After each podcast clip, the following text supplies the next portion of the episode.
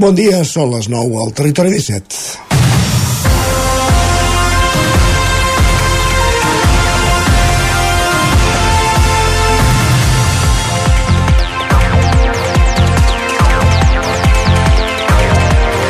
Dia important avui per l'oficialitat del català a la Unió Europea i el seu ús al Congrés dels Diputats espanyols, si bé els dos casos estan en situacions força diferents ara mateix.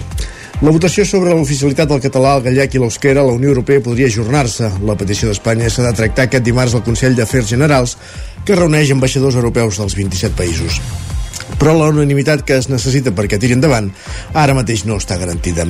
Malgrat que cap estat s'hi ha manifestat en contra, alguns han plantejat dubtes sobre el seu encaix legal i sobre les despeses econòmiques en traducció i interpretació que suposaria. Per això tot apunta que els representants europeus tractaran la qüestió, però no es votarà aquest dimarts. La iniciativa la defensarà el ministre d'Afers Exteriors, José Manuel Álvarez, i ara mateix el seu objectiu és obtenir temps per acabar de negociar amb els països reacis abans de la suposada investidura de Pedro Sánchez. De fet, ha estat en el marc de les negociacions per investir Francina Armengol, presidenta del Congrés, que les forces independentistes van arrencar el compromís del PSOE de permetre l'ús de les tres llengües cooficials de l'estat espanyol al Congrés. Al ple, que començarà avui a les 12, ja s'hi podran utilitzar les quatre llengües. Que el català, l'euskera i el gallec es puguin parlar en una cambra de representants a Madrid és una cosa que si Espanya de veritat es cregués que és un país multilingüe, multilingüe ja no dic plurinacional, hauria de ser avui una cosa totalment normalitzada. Que hagin hagut de passar més de 40 anys de l'anomenada transició per assolir-ho diu molt poc del país, que amb això les forces independentistes n'han de tenir prou per investir el futur president del govern espanyol? Ni de bon tros però és un punt de partida executar pressupostos, inversions, millor finançament, per què no permetre un referèndum, es tractaria de normalitzar la democràcia, com avui es normalitzen les llengües. És dimarts, 19 de setembre de 2023, en el moment de començar el Territori 17 a la sintonia de Ràdio Cardedeu, Ona Codinenca, la veu de Sant Joan, Ràdio Vic, el 9FM, i també ens podeu veure, ja ho sabeu, a través de Twitch, YouTube, Televisió de Cardedeu, el 9TV i la xarxa més. Territori 17.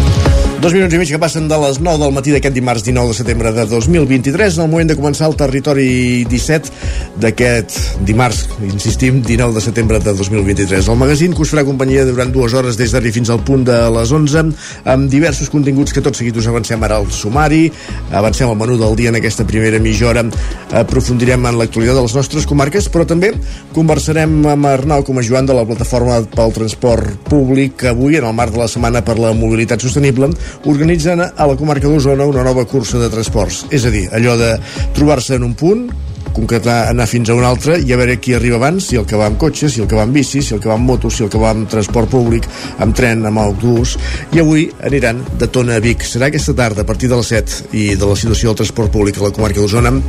En parlarem al llarg d'aquesta primera hora del territori 17, també, com dèiem, amb l'Arnau com a Joan de la Plataforma pel Transport Públic.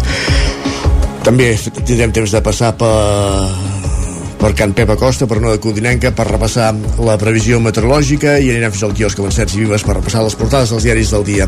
A partir de dos quarts de deu, ja sabeu com cada dia pujarem precisament al tren, a la Trenc d'Alba amb l'Isaac Muntades, recollint les cròniques dels oferts usuaris de la línia Barcelona-Granollers-Vic, Ripoll, Puigcerdà, i acte seguit a l'entrevista anirem mitjà televisió de Cardedeu arribarem a les 10 repassant les notícies acabant de repassar les notícies que no ens hagin capigut en aquest primer bloc, tenint en compte que hi ha l'entrevista que anunciàvem amb la plataforma pel transport públic. Notícies a les 10, la previsió del temps i a l'espai d'economia en Joan Carles Arredondo avui aprofundirà sobre l'impost a la banca posant-hi dades després dels resultats del primer semestre dels bancs eh, espanyols. A partir de dos quarts d'onze, com cada dia ens acompanyarà en Guillem Sánchez i amb ell ens endinsarem a Twitter, repassarem les pilades més destacades i acabarem el programa amb el racó de pensar i avui posant el focus amb l'Alzheimer. Alzheimer acompanyant l'oblit és com Maria López ha titulat el podcast del racó de pensar d'aquest dimarts. Per tant, ara, quan passen 4 minuts i mig del punt de les 9, sense més, el que fem és posar-nos en dansa amb les notícies de les nostres comarques, les notícies del territori 17, les notícies del Vallès Oriental, Osona, el Ripollès, el Moianès i el Lluçanès. Territori 17.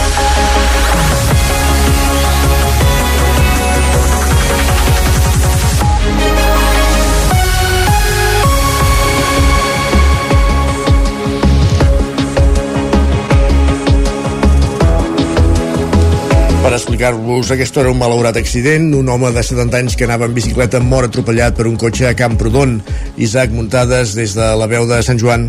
Un home de 70 anys que anava en bicicleta va morir ahir a la tarda a Camprodon en un accident de trànsit després de ser atropellat per un cotxe. Els fets van passar pocs minuts abans de dos quarts de set de la tarda al passeig de la muralla del municipi. Al lloc de l'accident s'hi van traslladar ambulàncies del Servei d'Emergències Mèdiques, patrulles dels Mossos d'Esquadra i bombers de la Generalitat de Catalunya. Per desgràcia no van poder fer res per salvar salvar-li la vida, ja que la víctima hauria mort a l'acte després del cop. L'alcalde Xavier Guitart apuntava que s'havien ajuntat una sèrie de circumstàncies negatives que explicarien l'accident. L'home mort baixava amb la bicicleta per la Torre del Coll i el conductor anava a estacionar el cotxe a l'aparcament d'aquella zona quan s'hauria produït l'accident fatal. Aquest mes de setembre ha estat tràgic en aquest sentit, ja que el passat dia 3 un motorista de 59 anys i veí de Can de Bànol, Jorge Perales, va morir després de sortir-se de la carretera a la Nacional 260 entre Ripoll i Sant Joan de les Abadeses i xocar amb la barrera de seguretat de la via tot sol.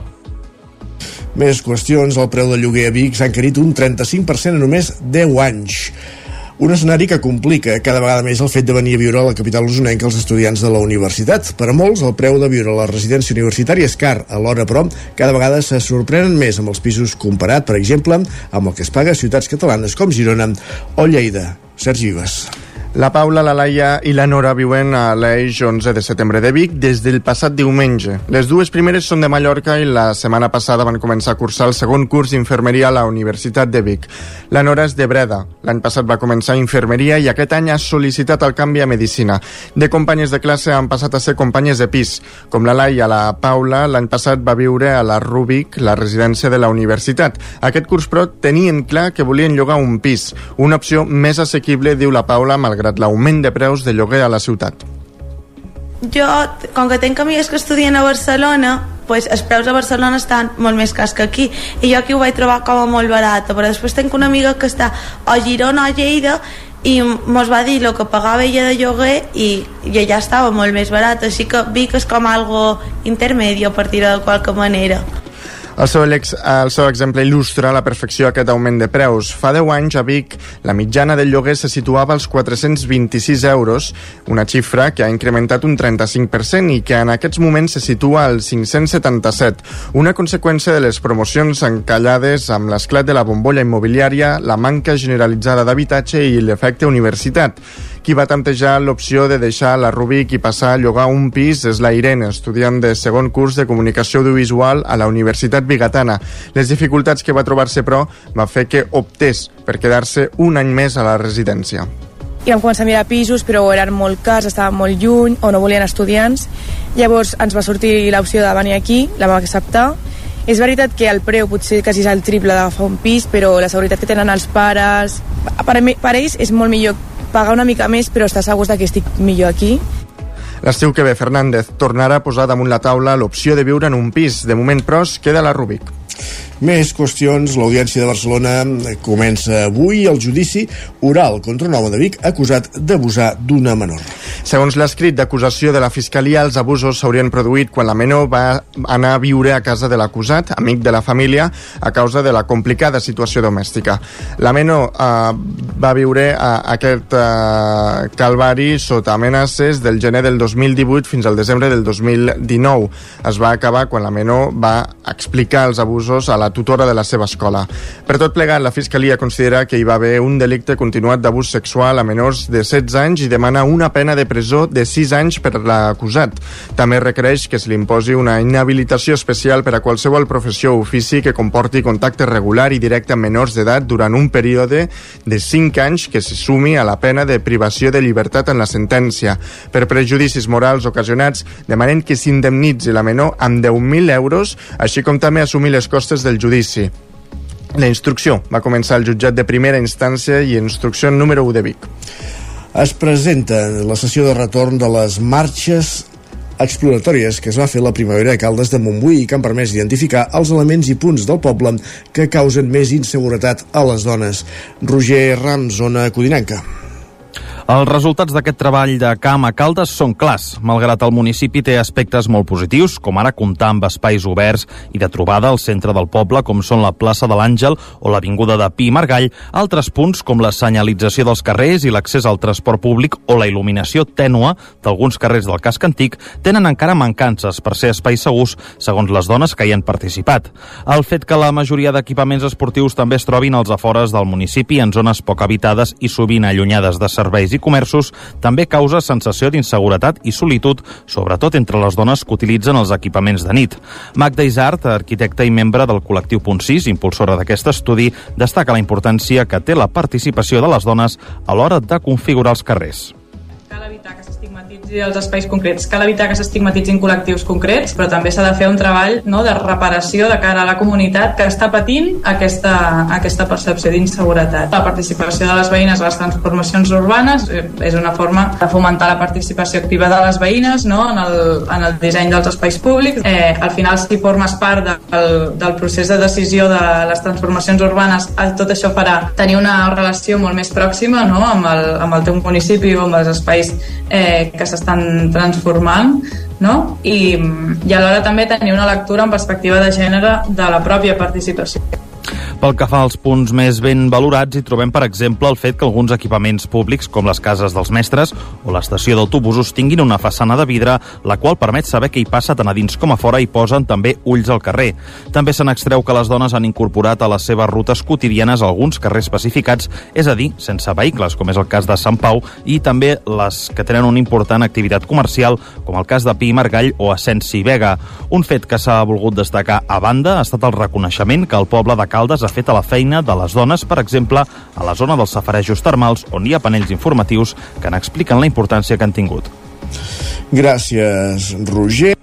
Gràcies, Roger. Com dèiem i com avançàvem ahir, eh, Enric Rubio, Ràdio Televisió Cardedeu, després de 5 anys es reprenen amb una empresa nova les obres projectades per traslladar i construir la ràdio de Ràdio Televisió Cardedeu. Per tant, aviat et veurem des d'un altre espai, Enric. Així és, Isaac, eh, molt contents. Eh, aquest dilluns, eh, pel matí, per segona vegada en 5 anys, ha arribat una brigada d'operaris a Ràdio Televisió Cardedeu amb la idea de començar de nou les obres per traslladar la ràdio de lloc. Als pressupostos participatius de 2018, una de les dues propostes que va fer l'Ajuntament de Cardedeu va ser la de traslladar la ràdio de l'edifici de la Mongia, on està ara, i portar-la i construir-la de nou a l'edifici on està actualment la televisió, i així centralitzar l'espai on es troben ambdues. La proposta eh, contra la que competia era la reposició i actualització de l'enllumenat del camp de futbol municipal i mentre que aquest va estar enllestit a finals de 2020, les obres de la ràdio encara estan a mitges i amb l'espai on s'ubicarà sense cap tipus d'infraestructura o acondicionament.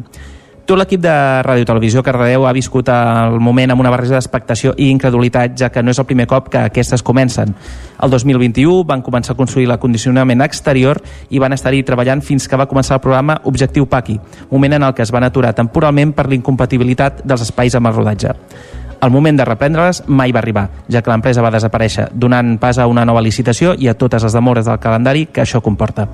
Ens ho explica Maria López, directora de Ràdio Televisió Cardedeu. Doncs sembla que sí, que per fi ja ha arribat el moment d'aquestes famoses obres, perquè són molts anys esperant que, que comencin i amb molts entrebancs, no? Vull dir que si la Covid, que si després l'augment de preus que fa que l'empresa desaparegui, i la veritat és que tenim moltes ganes ja de tenir aquesta nova ràdio, perquè a més a més és, per nosaltres és una temporada de canvi i d'insistència al que és la ràdio i la comunicació local des de la ràdio, així que bé, encantats i desitjant que aquest cop no hi hagin més incidents i per fi es puguin acabar aquestes obres.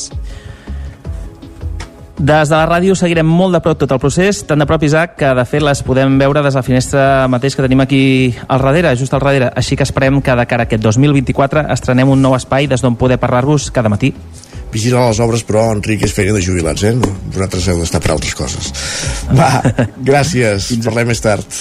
Fins ara, Isaac. Més qüestions la plataforma pel transport públic, juntament amb l'ATM de Barcelona i el marc de la Setmana Europea de la Mobilitat, celebra la tercera cursa de transports d'Osona amb el suport de la resta de col·lectius que treballen per la mobilitat sostenible a la comarca, Sergi. Aquest any la cursa anirà de Tona a Vic. Els participants a la cursa sortiran de la plaça Major de Tona entre les 7 de la tarda i les 7, 20, 7 i 25. L'arribada a la plaça Major de Vic serà a partir de 3 quarts de 8. Els organitzadors animen a la ciutadania a participar-hi. I un d'aquests organitza dos és Arnau Comajoan, un dels membres de la plataforma pel transport públic a la comarca d'Osona. Arnau, benvinguts, bon dia. Hola, bon dia.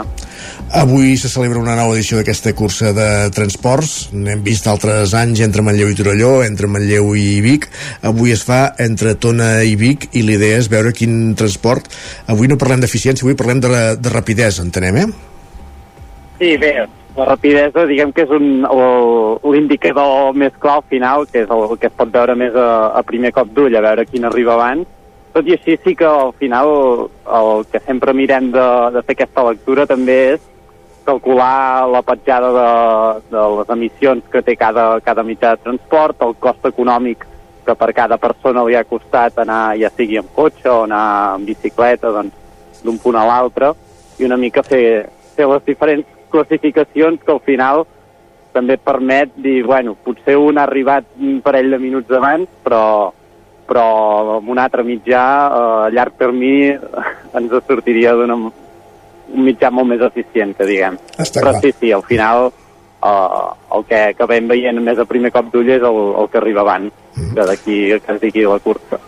Uh, quins mitjans competiran, entre cometes, per entendre'ns avui en aquesta cursa de, de transports? Exacte.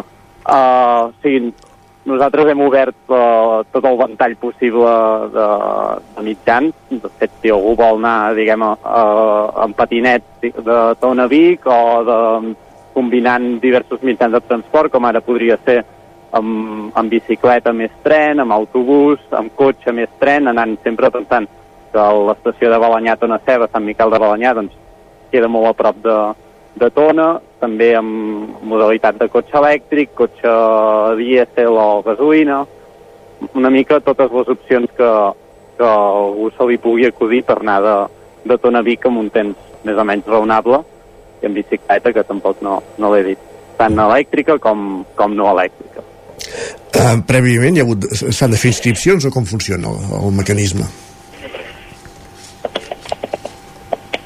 Sí, que, si podeu repetir, que no, Ah, no, no. acabo de sentir-ho. Dic si s'han de fer inscripcions prèviament o com, com funciona la- l'organització. Sí, exactament. Nosaltres hem obert des de fa uns dies el, un formulari d'inscripcions, que de fet encara està obert, es pot trobar a la pàgina web de l'Associació per la Promoció del Transport Públic, que és transportpúblic.org, uh Mhm. -huh. ORG, i a partir d'allà simplement doncs, tothom qui vulgui està totalment obert, doncs es pot inscriure o, o presentar-se avui tot a partir de les 7 de la tarda a la plaça Major de Tona per, per participar-hi.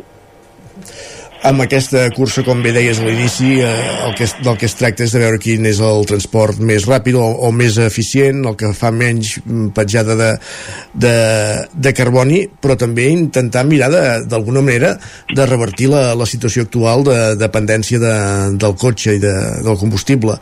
Moltes vegades, però, topem d'alguna manera amb la realitat de, de la comarca que no ho fa fàcil, diguéssim, no? per, per utilitzar transports alternatiu al cotxe, alternatius al cotxe.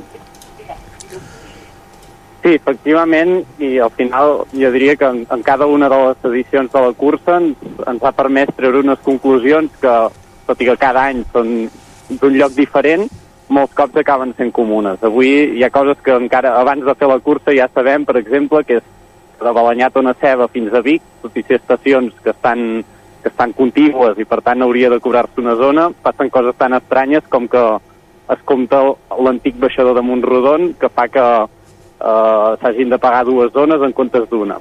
Coses com aquesta són traves que no promouen massa que, que en aquest cas s'uti- s'utilitzi el tren. O aspectes com ara que el, el bus que va de l'Autònoma cap a Vic, que afortunadament ara ha, duplicat la freqüència i té parada a Tona, doncs aquest autobús, pel que, pel que hem esbrinat, tot i que l'horari tampoc ho diu massa clar, no recull passatgers de Tona cap a Vic, sinó que necessàriament han de, han de venir o anar cap a l'Autònoma. Llavors, si passa aquest bus aquesta tarda, poc després de, de donar el tret de sortida, i resulta que no recull la gent que participi en bus, doncs aquesta gent s'hauran d'esperar el següent bus. I amb, amb coses com aquesta eh, podrem anar traient conclusions i veure que realment mm, millores en el transport públic en aquest cas són tan fàcils com deixar pujar la gent en un autobús que ja està circulant. O, o per exemple, la modalitat patinet elèctric més transport públic, doncs també veurem que per una raó, encara que no és mm, poc comprensible de la suspensió de, del, de que està prohibit en patinet dins del transport públic des del febrer, doncs tampoc podrà ser possible. Uh -huh. Llavors, Evidentment. Bé, um, anava a dir amb, amb la, el cas de la bicicleta, a veure també quin, en quina manera, sobretot en l'entrada a Vic, han d'optar les bicicletes per passar per llocs que potser no són els que percebem com a més segurs davant, de, davant del trànsit de cotxe perquè sí que és cert que entre Tona i Vic eh, hi ha el lateral de la C-17 que és totalment practicable en bicicleta i de fet diria que és no, els dos sentits de la marxa. Eh, el problema és aquest que un cop arribes a, a Vic a, a la rotonda de, de Vic Sud accedir al centre de forma segura com apuntaves ara Arnau no, no és senzill. Sí, sobretot depenent bastant del perfil d'usuaris, si és algú que ja hi està molt acostumat, doncs segurament ja ho té més per mà, però si sempre ens posem amb les ulleres d'algú que hi ha d'anar per primer cop o que hi ha d'anar amb, amb canalla, doncs segurament el que per algú que ja està acostumat a anar amb bici de Tona Vic doncs és una cosa prou normal i que podria estar bastant pitjor, uh, per algú que ho faci per primera vegada doncs segurament convida poc això, aquestes connexions entre el, el final de la trama urbana i el començament del, del desplaçament interurbà que diguem és moltes vegades on trobem més, més discontinuïtats o més trossos possiblement perillosos. A Vic s'han habilitat quilòmetres de, de carril bici, el més controvertit segurament els darrers mesos la, a la ronda Camprodon, però no sé si una de les mancances que, que es poden detectar en l'àmbit de la bicicleta a la comarca d'Osona són les connexions interurbanes. No és el cas d'avui, perquè com dèiem, Viquitona doncs ja, ja l'hem descrit, però, però municipis, pobles veïns de, de Vic, de curta distància, que podrien ser accessibles en bicicleta, el problema és que no hi ha un, un carril habilitat, diguéssim, per fer-lo viable o per fer-lo eficient. D'alguna manera penso en Santa Eugènia, penso en Roda, en certa manera en, en Manlleu. Eh, segurament tota aquesta política de la Diputació d'anar habilitant carrils de vianants i bicicletes hi ha llocs on, més, on és més urgent que d'altres, no? Sí, efectivament, en el cas d'Osona tenim la sort de que el, en els últims anys el Consell Comarcal, junt amb, amb les diverses entitats, va redactar un pla director de, de vies ciclistes interurbanes on estan molt prioritzats doncs, els trams eh, que per la demanda que es detecta haurien de ser més prioritaris. Ara, pensant en un exemple, eh, ve cap entre Call de Tenes i Vic, que és de prioritat alta i per la proximitat al final és un dels que està dels que està més clar, però sí que és cert que, en canvi, per exemple, en les obres que estan fent del, de la reurbanització del carrer Gran, no s'ha pensat en com les bicicletes podran anar des de Call d'Atenes cap a Vic, sortir del poble, que diguem, uh, per una, uh, sense haver de fer volta. Llavors, són coses com sempre en planificació es pot dir que déu nhi algunes passes endavant que s'ha fet com, com aquest pla de vies interurbanes, però llavors si no hi ha totes les, les administracions i una aposta que realment tothom se la cregui per, per la mobilitat en bicicleta i, i en patinet, que al final, si no hi ha infraestructura ciclista, doncs els patinets acaben anant també una mica per on poden, um, veurem, veurem què passa. I en aquest cas, en el cas de, de Call d'Atenes, en el cas de Roda també uh, s'ha parlat molt de, de la variant els últims anys, però també és cert que no hi ha una alternativa que el, molta gent pugui percebre com a segura per anar de roda cap a Vic menys, amb, amb bicicleta. I moltes vegades no és només construir infraestructura, inversions molt milionàries, sinó senyalitzar camins alternatius, doncs també pot ser una, una cosa bastant tova, que diguem, però que, que pot ajudar a promoure que es vagi en bici d'un lloc a l'altre. I clar, ara estàvem parlant d'aquella Atenes a Vic, que són dos nuclis que, que, està, que s'enganxen, que estan enganxats, que imagina't eh, en aquest cas. Per tant, està clar que ens queda feina per fer en l'àmbit de, de buscar alternatives a la mobilitat amb, amb cotxe i per això està bé jornades com la d'avui doncs per, per reivindicar aquests transports alternatius. Avui hi ha aquesta cursa de transports en el marc de la Setmana Europea de la Mobilitat, cursa de transports a partir de les 7, 7 i 25 entre Tona i Vic i que cadascú hi pot participar amb el transport que, que consideri i, i veure doncs això, eh, poder analitzar quin, quin és un bon sistema alternatiu a, al vehicle privat per, per, per arribar a, a municipis propers. Arnau Joan, de la Plataforma pel Transport Públic, organitzadors d'aquesta cursa, eh, coorganitzadors d'aquesta cursa, gràcies per atendre'ns i que vagi molt bé la jornada. Molt bé, gràcies a vosaltres. Bon dia. I nosaltres ara, quan falten dos minuts perquè siguin per fer la, la pausa, el que farem ràpidament és fer un cop d'ull a les portades dels diaris. Anem fins al quiosc. Territori 17. Envia'ns les teves notes. Ara sí, anem fins al quiosc. Sergi Vives, que hi trobem avui a les portades dels diaris? Doncs mira, el punt avui encapça la portada amb el titular dèficit històric explica que la balança fiscal negativa amb l'Estat toca sostre amb 21.982 milions al 2021. El desequilibri voreja el 10% del PIB català.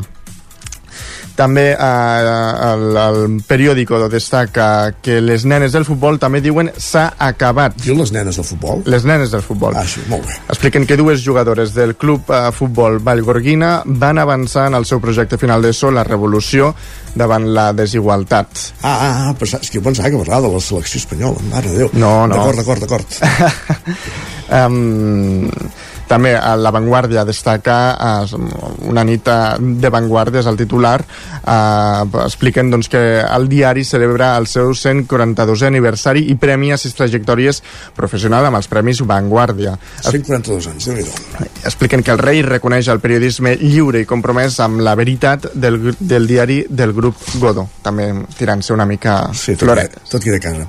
Així és més titulars? Doncs, uh, de fet, uh, l'Ara sí que destaca això de les jugadores de... aquest desafiament a les jugadores de la selecció. Expliquen que la Federació Espanyola de Futbol manté el pols amb les jugadores de la selecció espanyola que ahir van ser convocades, tot i la seva negativa a anar-hi si no hi havia canvis a fons alens quin paperàs li fan fer la nova seleccionadora Montse Tomé. Així és. Gràcies, Sergi, ho deixem tu? aquí. No marxis gaire lluny perquè a partir de tres quarts acabem de fer l'informatiu que no hem pogut fer ara perquè hem inclòs aquesta entrevista amb l'Arnau Joan. Pausa i tornem. Fins ara mateix. El nou FM, la ràdio de casa, al 92.8.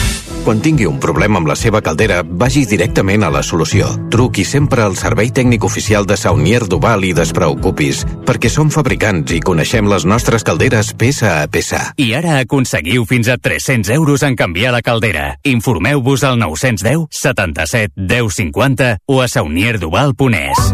Per moure't, lloga un cotxe ALR. Per moure la família, lloga un minibús ALR. Per moure coses, lloga una furgoneta ALR. Per moure la casa, lloga un camió ALR. Lloguer de cotxes, furgonetes i camions ALR. Ens trobaràs al carrer Francesc Sant Climent 83 de Vic i també a Olot i Manresa. Informa't en el 93 888 60 57 o bé consulta el web alr.cat.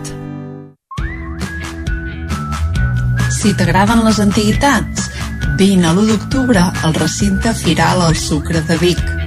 A la descarregada de Vic hi trobaràs mobiliari, objectes de decoració, peces d'art, joies, eines, llibres i moltes coses més.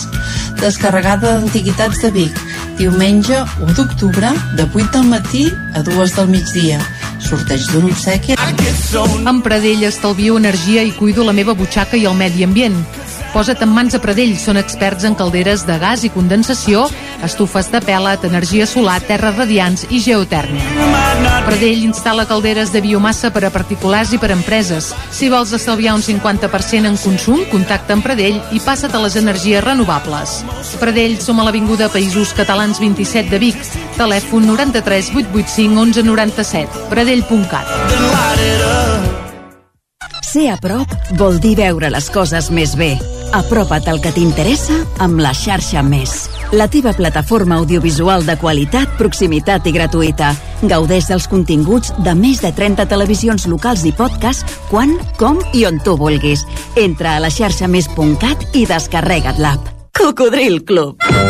Si t'agrada la bona música dels anys 60, 70 i 80, escolta el 9 FM els matins de dissabtes i diumenges d'11 a 1. És el temps del Cocodril Club, tot un clàssic de la ràdio, amb les bases del pop-rock, les llegendes, les cançons que s'han convertit en autèntics himnes. Recorda, dissabtes i diumenges al matí, d'11 a 1, al 9 FM 92.8. Cocodril Club, el programa revival de l'Albert Malla. Hasta luego, cocodrilo.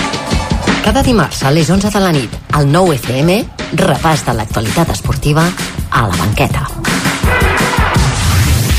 El 9 FM, el 9 FM, el 9 FM, el 9 FM, el 9 FM. En punt dos quarts de 10 del matí.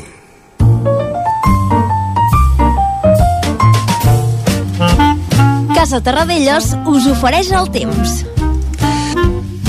I, a dos, I avui a dos quarts de deu, excepcionalment el que fem és saludar el nostre mal temps en Pep Acosta per repassar el temps de les últimes hores i saber com evolucionarà meteorològicament la jornada. Pep, benvingut, bon dia. Hola, què tal? Molt bon dia. Benvinguts a la informació del temps d'aquest dimarts ja 19 de setembre. Atenció, que només queden ja eh, poc més de 3 mesos eh, per liquidar aquest 2023. Eh, molt poc ja per donar benvinguda al 2024. Un mes de setembre que continua amb una dinàmica de temperatures càlides de nit, eh, moltes, moltes mínimes, entre els 15 i els 20 graus a zona del peritoral, eh, una mica per sota dels 15 graus cap a Mollanès, Osona, Ripollès, només per sota dels 10 graus a les zones més altes, més fredes del Pirineu.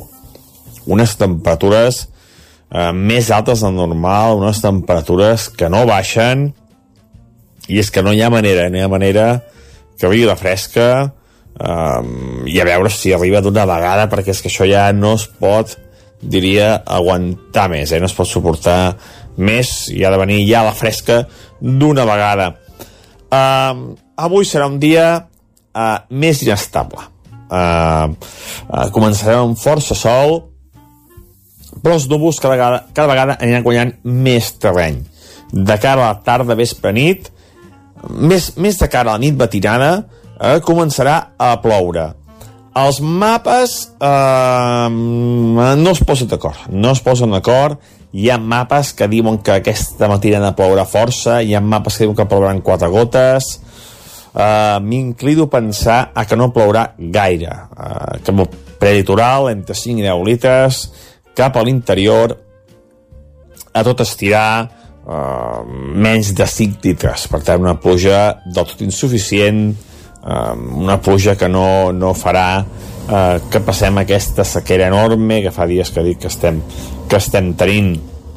Uh, les temperatures avui molt semblants a les d'ahir. No, no baixa, baixa, si baixa baixarà un o dos graus, però a migdia s'hi estarà uh, molt, molt confortable, migdies encara de màniga curta. Vents febles, de direcció variable, que seran més intensos aquesta nit amb la pluja, però no serà cap temporal molt important ni de bon tos. I això és tot. Esperem que tingueu un bon, un bon dimarts, un dimarts de sol, i aquesta nit matinada, possibilitat de pluja. A veure si es van, a veure si es van fallen i per fi plou més del que està pronosticat. Moltes gràcies, adeu, bon dia. Ja si t'equivoques, eh, Pep, aquesta vegada. Va, parlem d'aquí una estoneta. Casa Tarradellas us ha ofert aquest espai. 3 minuts i mig que passen de dos quarts de 10 del matí. Territori 17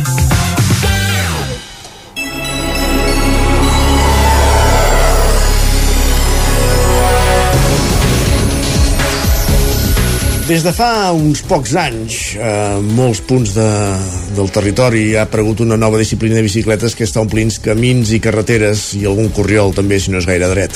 Es tracta de, de les gravel o bicicletes de grava i sembla que aglutina aficionat, aficionats tant del ciclisme de carretera com de les BTT. I d'això volem parlar avui a l'entrevista. Oi, Enric Rubio, Ràdio Televisió Cardedeu? Així és, Isaac. Uh, què tal, com estem? Doncs ens trobem aquí... Uh, de fet, t'he vist alguna hora sí? per Instagram amb alguna foto, amb alguna bici de gravel, eh? Sí, una miqueta. M'hi he aficionat últimament, vaig escombrant cap a casa, ja veuràs que aquí les seccions i entrevistes uh, acabo tirant cap aquí. Sí, sí. Doncs uh, res, uh, ens trobem aquí als estudis de Ràdio Televisió Cardedeu amb, amb el Raül de Cycling No Limit. Raül Falconero, bon dia Raül, benvingut. Hola, bon dia. Uh, per molta gent, les gravel segurament es veuen com bicicletes de carretera en rodes de muntanya o com bicicletes de muntanya amb manillar de carretera. Situa'ns un xic, què són les gravel? Correcte, correcte. Ve per aquí el tema. Les bicicletes de gravel són bicicletes eh, pensades per anar per pistes forestals i camins pavimentats de sorra compacta o una mica cantelluda, no gaire, eh, per anar-hi força de pressa. La, la gràcia de la gravel és eh, que aglutina gent que ve de la bicicleta de carretera i de la bicicleta de muntanya i també ve eh, gent de cicloturisme clàssic entès en bicicletes híbrides. Uh, aquest mix uh, comporta que tinguem diferents perfils eh, de practicants del món de gravel, des dels que venen més de la competició de bicicleta de carretera als que venen més des del cicloturisme eh, per fer grans viatges o viatges de cap de setmana amb pernoctacions, amb, amb, amb tema d'autosuficiència i gent que busca algú eh, que sigui una miqueta més ràpida que les clàssiques eh, bicicletes de muntanya doble suspensió o rígides i que no fan un grau molt alt de, de, de destresa, vale? no, no baixen trialeres, no baixen corriols molt tècnics, eh, sinó surten a disfrutar. Aquí hi ha el, el primer tema, perquè, per exemple, és que eh, aquí a la comarca d'Osona, on som ara, eh, uh. -huh. de seguida, a la que comences a pedalar, ja comences a trobar eh, corriols que s'enfilen o, o alguna trialera i, i s'acaba la gràcia de la, de la gravel, no? diguéssim. Ha de ser sempre amb, amb terrenys, com bé apuntaves ara, pistes forestals, moltes vegades, no? A veure, sí que és cert que que depèn d'on te vas, hi ha molt desnivell i, i hi ha molt corriol eh, què passa? Amb les gravels pots passar per Corriol, vale? eh, en funció del valor de roda que portis. Jo, per exemple, hi ha moltes vegades que jo visc a Granollers i moltes vegades sortim que, cap a la comarca d'Osona en bicicleta i, i trobem pistes molt xules que es poden fer, o sigui, no hi ha cap tipus de restricció. Sí que és cert que en funció de, de la teva destresa t'hi ficaràs o no t'hi ficaràs en segons quins corriols, però, es pot fer moltíssima cosa amb gravel. Gravel actualment és el sector de bicicleta que més s'està venent. D'on prové, però, històricament el gravel, on s'ubiquen els seus inicis? Eh, els inicis venen una miqueta del tema de ciclocross, vale? eh, però ha evolucionat cap a la banda no competitiva. Sí que bé és cert que ara eh, tenim la Federació Catalana de Ciclisme, per exemple, que ha decidit regular les competicions de gravel. Eh, aquest encàrrec se li ha fet a un company nostre, que, que és en Joan Calvera, de Ciclocat, que és una de les persones de referència en el món del gravel eh, aquí a Catalunya, i, i bueno, uh, està regulant-se vale? perquè sí que és cert que ara hi ha fins i tot un mundial de gravel per tant, eh, que es farà d'aquí no gaire, hi ha tot de, de, de proves classificatòries i ara es farà, vale? eh, però bueno, històricament bé, d'entre la bicicleta de carretera que es feia, que passaves per Pavé i, i sorties una miqueta de, de, per fer una mica d'esterrato, doncs d'això va evolucionant cap allà. Molt bé, exacte. I uh, aquests últims anys, uh, Raül, els aparadors de les botigues com la vostra estan canviant com bé deies, per deixar pas a, a les gravel i fer-se un lloc entre, entre les bicicletes que, que fins ara ens havien acompanyat sempre. Correcte. Com he notat uh, aquest canvi a la botiga i com ha afectat a les vendes en un moment de crisi com el que hem viscut no fa tant, des del 2020, inclús l'escassetat de material de, de certs proveïdors dins el món del ciclisme i tants altres àmbits que es va viure no fa tant. I comenta'ns també una miqueta que sou um, Cycle No Limit i, i d'on veniu.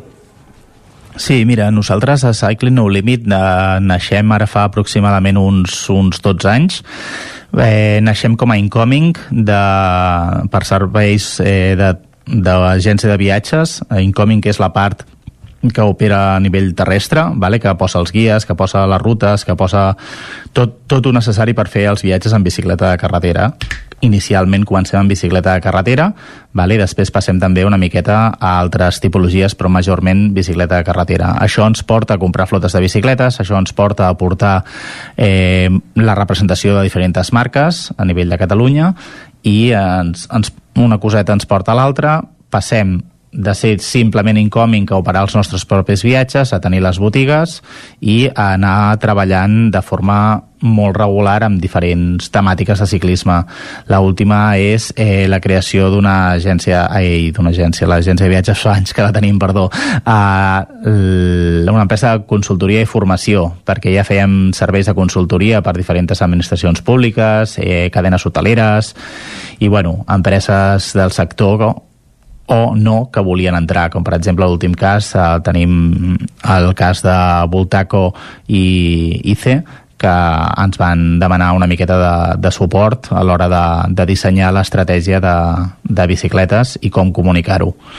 Vale, la seva nova línia de bicicletes que això ho vam estar fent l'any passat els vam estar acompanyant eh, a diferents fires a nivell nacional i internacional i a nivell de formació, a nivell de formació portem la formació en mecànica de bicicletes eh, de la Federació Catalana de Ciclisme i del Gremi de Tallers i Comerciants de, de Bicicletes de Catalunya. Uh -huh. No, volia preguntar-te, eh, abans ens comentaves que comença a haver-hi competicions de, de gravel. Quina és la sí. diferència entre el gravel i el, ciclo, i el ciclocross? Fins i tot la bicicleta, quina és la diferència entre un i altre? El, el ciclocross està més pensat, eh, és més explosiu i hi ha obstacles i hi ha trossos que has de caminar, vale? amb gravel no, amb gravel és tot eh, continuat i solen ser eh, més llargs els recorreguts, com per exemple les proves de gravel a, a dia d'avui s'està tirant a proves bastant llargues, tipus eh, bicicleta de carretera. Vale? Eh, la majoria de les proves a, a dia d'avui eh, s'han disparat, s'han disparat les proves perquè n'hi ha cap de setmanes que n'hi ha 3-4 competicions de gravel i, i això és un disbarat també, eh? però que, que tot, el, el sufler baixarà sí, sí. en el cas, per exemple del, de, de Ciclocat que organitzava les seves proves eh, va ser dels únics que hi havia en el circuit organitzant les proves de, de, de gravel eh, que eren no competitives i, i tot això, i ara ha canviat completament el rotllo. Ara sí que passen a ser competitives, les de Ciclocat no, però hi ha moltíssimes, com les Hunting Dogs o, o les de la Traca i tot això, que, que, fan, que fan competició pura i dura. Vale. Eh, sempre últimament trobem dos, dos vessants, una per gent que s'inicia amb 40 quilòmetres i les altres amb, amb 100, 100 i pico quilòmetres. Vale. I, i, en aquest cas tenim... Digues, digues, perdó. Perdó. Sí, tenim aquí la, la, la Gravel Trophy d'aquí de Cardedeu, que aquest any serà el seu, no sé si tercer o quarta edició, eh, i l'any passat ja ho vam fer dues dos, dos distàncies i una que passa arreu de, de la comarca eh, i, i l'altra més, més curta, una de 40 quilòmetres i l'altra em sembla recordar que era de 112 quilòmetres. Ja faig l'última pregunta i et deixo acabar, eh, Enric, però només volia, eh, ja que demanava la diferència entre el gravel i el ciclocross, eh, sí. les bicicletes, quina diferència tenen una i altra? Les diferències de les bicicletes, les de ciclocross són un pèl més agressives, sí que és cert que les de gravel ara ja ja s'està desmarcant i ja també n'hi ha algunes que són un pèl més agressives a nivell de geometria, vale? Eh, perquè hem evolucionat de la bicicleta de gravel una miqueta cap a la bicicleta de ciclocross i una miqueta per les, les de llarga distància. Unes estan més pensades per viatjar i les altres estan pensant més per, per competir, com podria ser el cas de la Bianchi Solder o la nova Megamo S-Line, vale? eh, i les altres estan més pensades per fer llargues distàncies. Uh -huh. Eh, sí que és cert que, per exemple, a l'hora de competir amb ciclocross hi ha, una, hi ha una sèrie de restriccions a nivell de pneumàtic que pots muntar, que a la ciclocross no pots muntar més de pneumàtic 33 i, i ara pues, eh, amb gravels cal veure quin serà el reglament que acabaran, que acabaran fent. Uh, jo volia preguntar, no ens queda molta estona, em sembla, però sí que volia preguntar que ens fessis un, un incís i que ens desglossis una mica què és eh, això de Ciclocat i el vincle que teniu ja ho heu comentat una mica, però explica'ns una mica d'on sorgeix Ciclocat, que realment és, és molt interessant.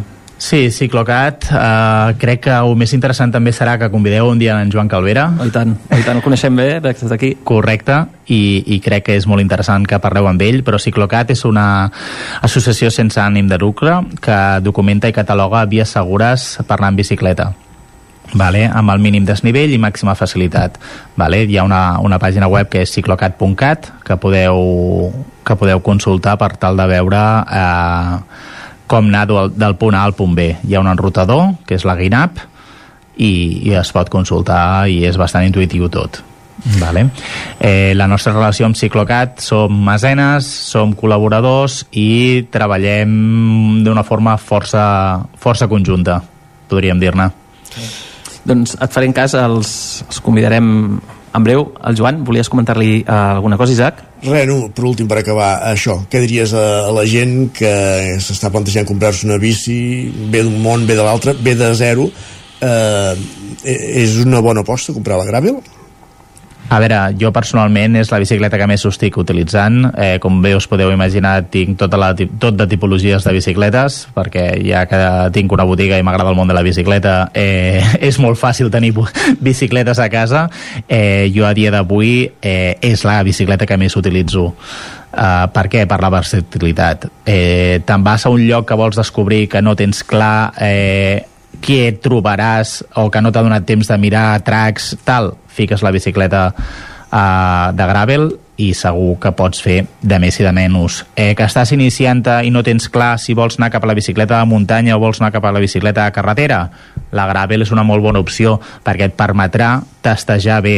Hi ha molta gent que el que fa és amb una bicicleta de gravel té un doble joc de rodes i, de, joc, i de, amb cobertes, ja amb el disco, eh, el casset i tot, i el que fa és un canvi de rodes en el, en la bicicleta i pots fer bicicleta de carretera o bicicleta de gravel. Això sí, si, agaf, si agafes a la modalitat de dos plats. Vale, que és la més versàtil. Raúl Falconero, moltíssimes gràcies per acompanyar-nos i introduir-nos avui al món de, del gravel aquí al Territori 17. Fins aviat. Moltes gràcies. Gràcies també, Enric. Parlem d'aquí una estoneta. Fins aviat, gràcies. I nosaltres que avancem, eh, tot seguit acabarem, arribarem fins al punt de les 10, acabant de repassar les notícies més destacades del territori 17 d'aquest dimarts 19 de setembre de 2023.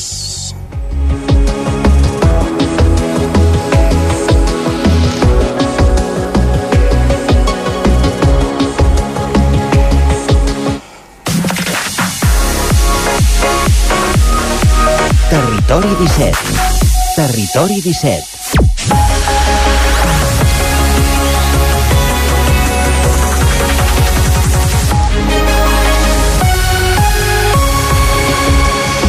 L'alternativa per Ripoll CUP ja ha recollit més de 200 signatures per fer una piscina municipal descoberta a la zona esportiva. Isaac Muntades, la veu de Sant Joan.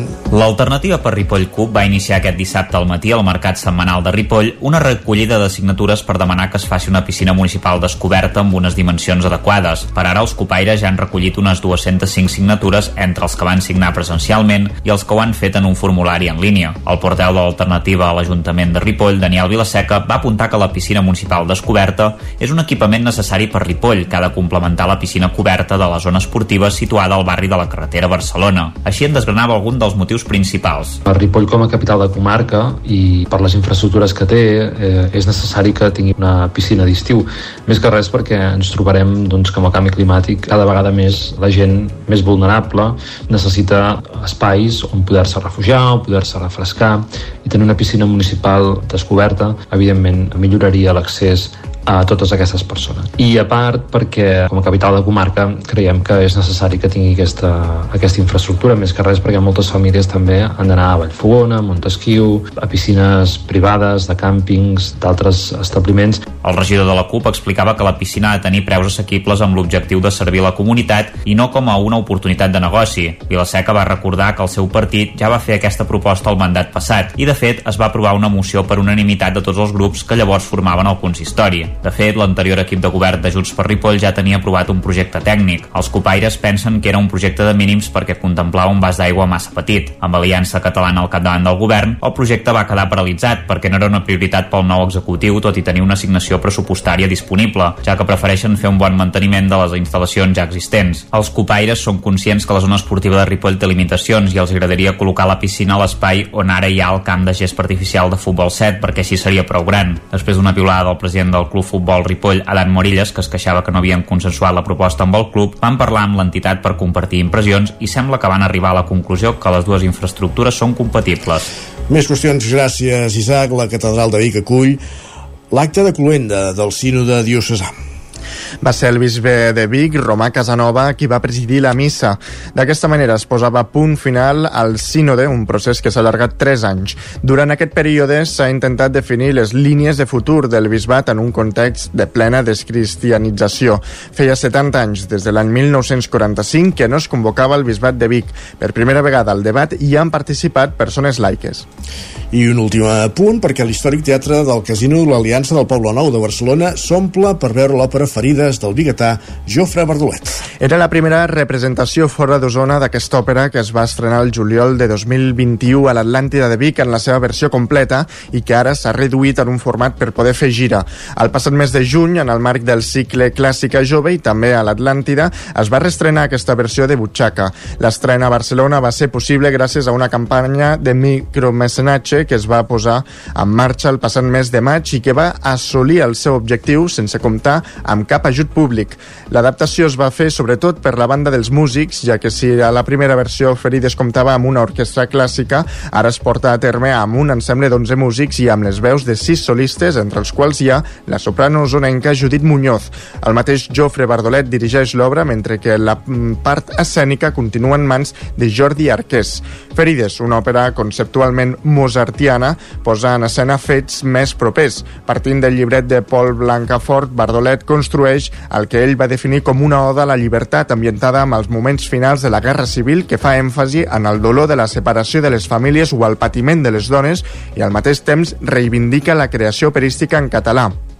La propera representació torna a Osona i tindrà lloc el proper 12 de novembre al Teatre Sirvianum de Torelló.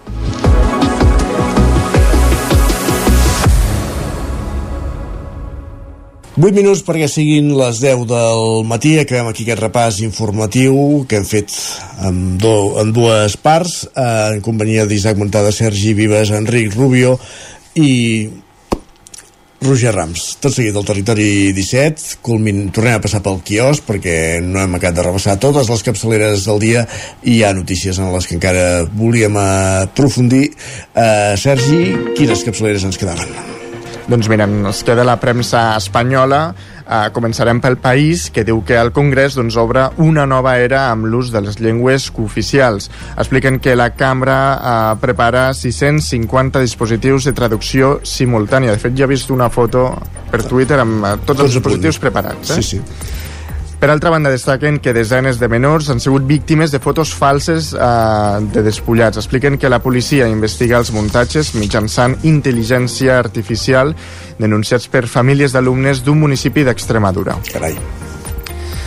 L'ABC destaca que Barcelona recupera la normalitat institucional amb el rei. Expliquen que per primera vegada en 17 anys, després de les plantades de Colau i els sobiranistes, doncs diuen que Felip VI ha sigut rebut en audiència a la ciutat condal amb el, el seu alcalde. Colau i els sobiranistes vol dir Colau i Tries, entenc, no? Perquè clar, són els, els clar, únics alcaldes sí, sí, que hi ha hagut sí, sí, són des de... Eh, hereu, clar, sí. Uh, això, doncs, que ha sigut rebut pel socialista Collboni. El Mundo uh, diu que els grans de la Unió Europea veuen sorprenents el, desple el desplegament per contentar a Puigdemont. Expliquen que Brussel·les frustra l'intent d'aprovar per la via ràpida que el català sigui llengua oficial a la Unió, tot i l'esforç del govern país a país.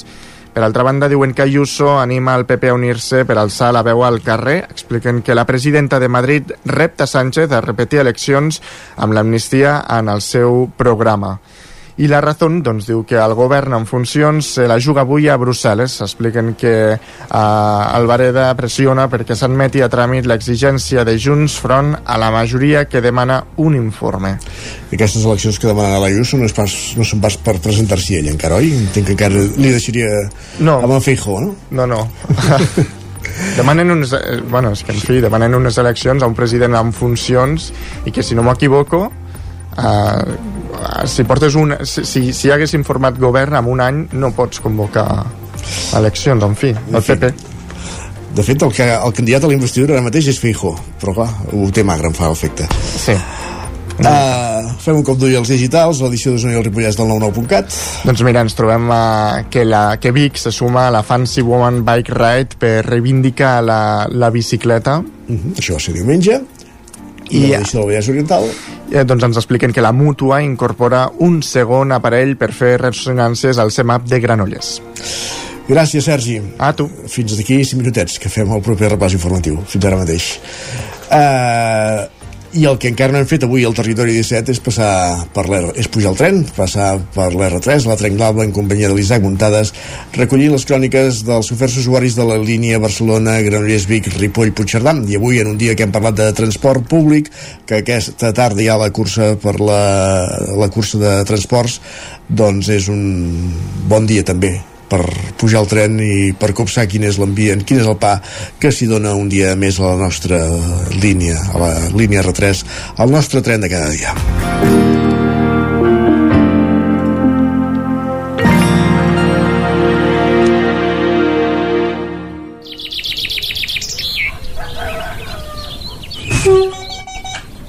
A Tren d'Alba, cada dia els usuaris i usuàries de la línia R3 de Rodalies que veuen sortir el sol des d'un vagó ens expliquen les gràcies i les penes del primer comboi que uneix Ripoll i Barcelona o les feixugues jornades amb el tren després de treballar. Benvinguts a Tren d'Alba. Doncs avui, i tal com ens explicarà en Jordi Valls a la crònica, s'ha produït un altre atropellament, aquest cop a l'R4 que ha obligat a interrompre la circulació de la línia entre les estacions de Cornellà i l'Hospitalet de Llobregat. La persona hauria passat per un pas no autoritzat i els Mossos han demanat que es tallés la circulació. Entre l'Hospitalet i l'estació de Cornellà i l'estació de Sant Feliu de Llobregat, els viatgers han de fer servir el metro i el tramvia. Va, us deixo ja amb la seva crònica. Bon dia, sóc en Jordi de Centelles. Avui anàvem bé, 6 minuts tard, però a plaça Catalunya fèiem cua perquè hi havia un tren davant i hem perdut 3 minuts o 4 més al túnel, res, que de 6 hem passat a 10 minuts. I sortir de l'estació i ja anunciaven que la línia estava tallada a Cornellà per un arrollamiento, que vol dir que han atropellat algú. Se'n parla poc d'això, eh? O sigui, se'n parla, si se'n parla molt, busquem culpables, som un país que que busquem culpables, però això d'intentar trobar solucions ens consta molt. I la solució no serà més tanques, o treballar el tema del suïcidi, o posar més vigilància de manera independent, com si fossin bolets. S'ha de pensar en una estratègia global. També se'n parla poc del patiment dels maquinistes i,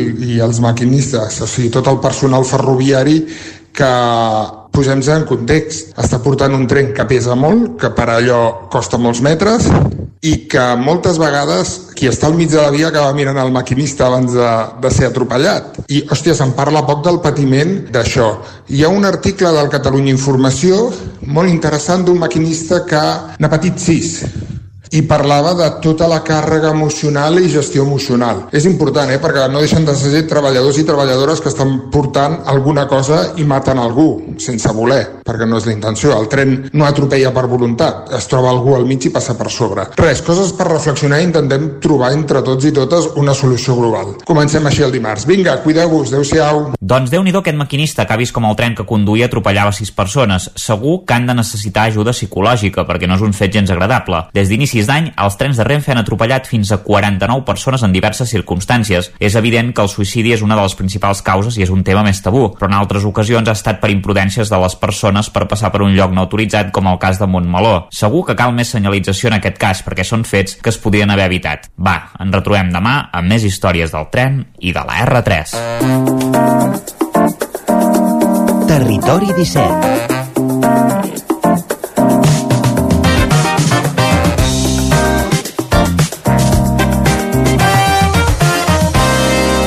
I arribarem al punt de les 10, com ens agrada, amb música, amb una de les sensacions del moment, un dels grups que omplia rebentar la plaça dels Màrtirs de Vic dissabte a la tarda en el marc de, del Mercat de Música Viva de Vic. Aurora, Phil Flowers, fins a les 10.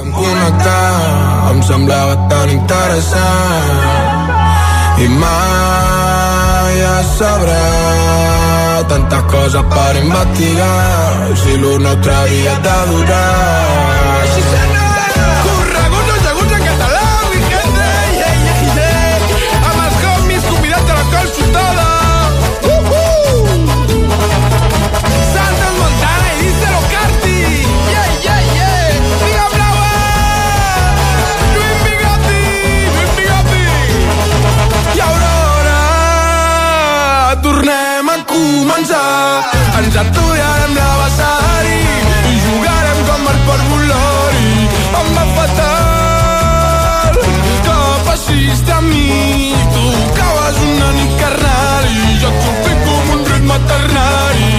Vaig pensar que potser podríem connectar. Em semblava tan interessant. I mai es sabrà tantes coses per investigar. Si l'una t'havia de durar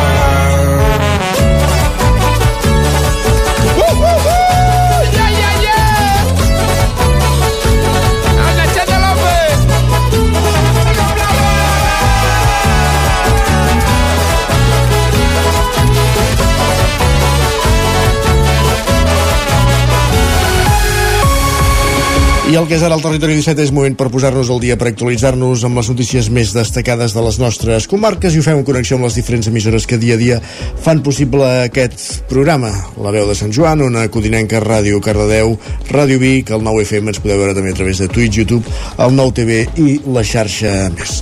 Per explicar-vos aquesta hora que el Consell d'Alcaldes del Ripollès dona llum verd als costos dels residus i el manteniment de l'abocador de les Llosses per l'any 2024. Ens ho explica des de la veu de Sant Joan, un matí més l'Isaac Muntades. Isaac, com vulguis. Darrer ple del Consell d'Alcaldes i Alcaldesses del Ripollès va aprovar amb 9 vots a favor i només les 3 abstencions de Canals, les Llosses i Molló l'estudi de costos i rendiments del manteniment de l'abocador clausurat Ripollès 3 i la recollida de residus. La tècnica de l'àrea de territori i sostenibilitat del Consell, Mònica Povedano, va detallar que les despeses previstes pel 2024 s'endeixen a més de 4 milions d'euros, dels quals n'hi ha 2,8 que són exclusivament pel servei de recollida de deixalles, 765.000 pel tractament de la fracció resta i 460.000 pel manteniment de l'abocador. Povedano va parlar precisament d'aquest espai situat a les Llosses. Aquí ja no hi aportem cap mena de residu, però aquí s'hi generen lixiviats. La gestió d'aquests lixiviats, que es fa en una planta externa, eh, representa un 85% de tot el cost que té el manteniment d'aquest abocador. Evidentment també hi ha les despeses fixes, d'assegurances i d'altres varis i actuacions bàsiques de manteniment, però aquí la despesa més grossa és els lixiviats que s'hi generen. Aquests lixiviats es generen moltes vegades en funció de la pluviometria i hem fet una previsió estimativa d'uns 4.500 metres cúbics de cara a l'any que ve. Cada ajuntament paga en funció de les tones de residus que genera el seu municipi i la fracció resta és la que té un cost més elevat, ja que no es pot reciclar i es porta Orís, on també es paga el tractament dels lixiviats, una taxa d'entrada de l'abocador i els impostos a l'Agència Catalana de Residus. Aquest estiu, FCC Medio Ambiente, la nova empresa que ha guanyat el contracte de la gestió dels residus del Ripollès pels pròxims 6 anys, s'ha posat a treballar i s'han actualitzat els preus. Aproximadament el contracte és de 14 milions per aquest temps, el que suposa haver de pagar més de 2 milions d'euros per nul·litat per l'1 i escaig que es pagava fins ara. L'alcalde de les Llosses, Jaume Cuní, que va ser un dels batlles que es va abstenir, va verbalitzar la necessitat de posar més contenidors de plàstic, cartró i paper i vidre, perquè en tenen molts de la fracció resta i això impedeix que els habitants del municipi puguin reciclar més, ja que no tenen l'opció. Gràcies, Isaac. Més qüestions. L'Ajuntament d'Oló, el Moianès, completa la transició energètica d'equipaments municipals amb la instal·lació de plaques solars a l'espai Amalosa, Roger Ram, zona codinenca. Perdona, Roger, ara sí. Connexió dels panells fotovoltaics a l'equipament cultural del poble. Aquest és el cinquè equipament municipal d'Oló que utilitzarà plaques solars. D'aquesta manera, doncs, es completa un projecte de transició energètica que permès instal·lar plaques a llocs com el centre de dia, l'escola, el local d'entitats del pavelló i, com dèiem, la Malosa. El següent pas, doncs, és facilitar a espais municipals a una comunitat energètica local perquè els habitatges residencials del poble també puguin iniciar la seva transició energètica cap a les energies renovables. I encara a la comarca, Roger, Castellterçol tindrà un espai de coworking per a autònoms i empreses de la comarca. Exacte, serà la nau. Aquest és un espai de treball compartit i coworking que obrirà les seves portes a finals d'aquest mes de setembre a Castellterçol. Aquest equipament disposa d'una varietat de sales, despatxos privats i sales diàfanes de treball. L'objectiu principal és fomentar el talent emergent dels professionals de la comarca del Moianès i també tenir un punt de trobada per reunir-se amb clients, proveïdors o altres professionals. La nau, doncs, formarà part de la xarxa de coworkings CoCat Ronals, una iniciativa finançada amb els fons LEADER amb la que es vol potenciar l'atracció i retenció del talent, la creació d'ocupació i l'activitat econòmica a les zones rurals i també difondre els valors del coworking i el teletreball en territoris que participen del projecte, com ara és el cas del Moianès. Gràcies, Roger. Més qüestions. L'Audiència Provincial de Barcelona acull a partir d'avui el judici oral contra un home de Vic acusat d'abusar d'una menor Sergi Vives. Segons l'escrit d'acusació de la Fiscalia, els abusos s'haurien produït quan la menor va anar a viure a casa de l'acusat, amic de la família, a causa de la complicada situació domèstica. La menor va viure aquest calvari sota amenaces del gener del 2018 fins al desembre del 2019 es va acabar quan la Meno va explicar els abusos a la tutora de la seva escola. Per tot plegat, la Fiscalia considera que hi va haver un delicte continuat d'abús sexual a menors de 16 anys i demana una pena de presó de 6 anys per a l'acusat. També requereix que se li imposi una inhabilitació especial per a qualsevol professió o ofici que comporti contacte regular i directe amb menors d'edat durant el període de 5 anys que se sume a la pena de privació de llibertat en la sentència. Per prejudicis morals ocasionats demanen que s'indemnitzi la menor amb 10.000 1.000 euros, així com també assumir les costes del judici. La instrucció va començar al jutjat de primera instància, instrucció número 1 de Vic. El preu de lloguer a la ciutat de Vic, precisament, s'ha encarit un 35% en només 10 anys.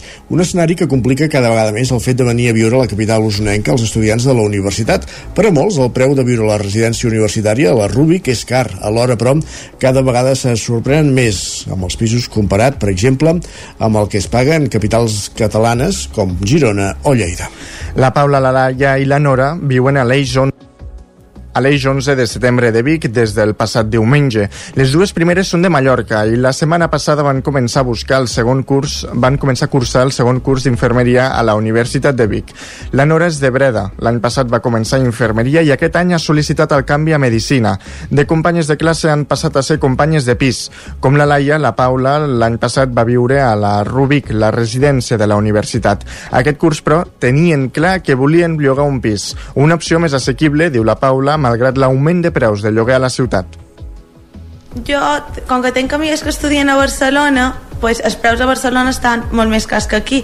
I jo aquí ho vaig trobar com a molt barat. Però després tenc una amiga que està a Girona o a Lleida i mos va dir el que pagava ella de lloguer i, i allà estava molt més barat. Així que Vic és com algo intermedio per dir de qualque manera. Algo intermedio, sí, Vic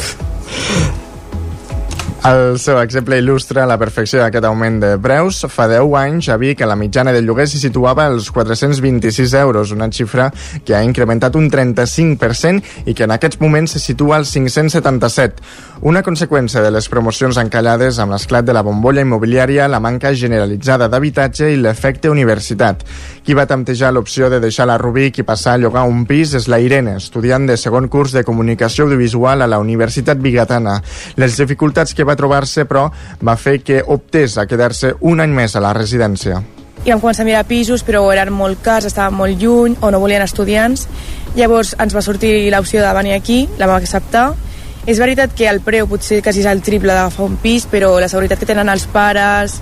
Per, mi, per ells és molt millor pagar una mica més, però estar segurs que estic millor aquí. L'estiu que ve, Fernández tornarà a posar damunt la taula l'opció de viure en un pis. De moment, però, es queda a la Rubik.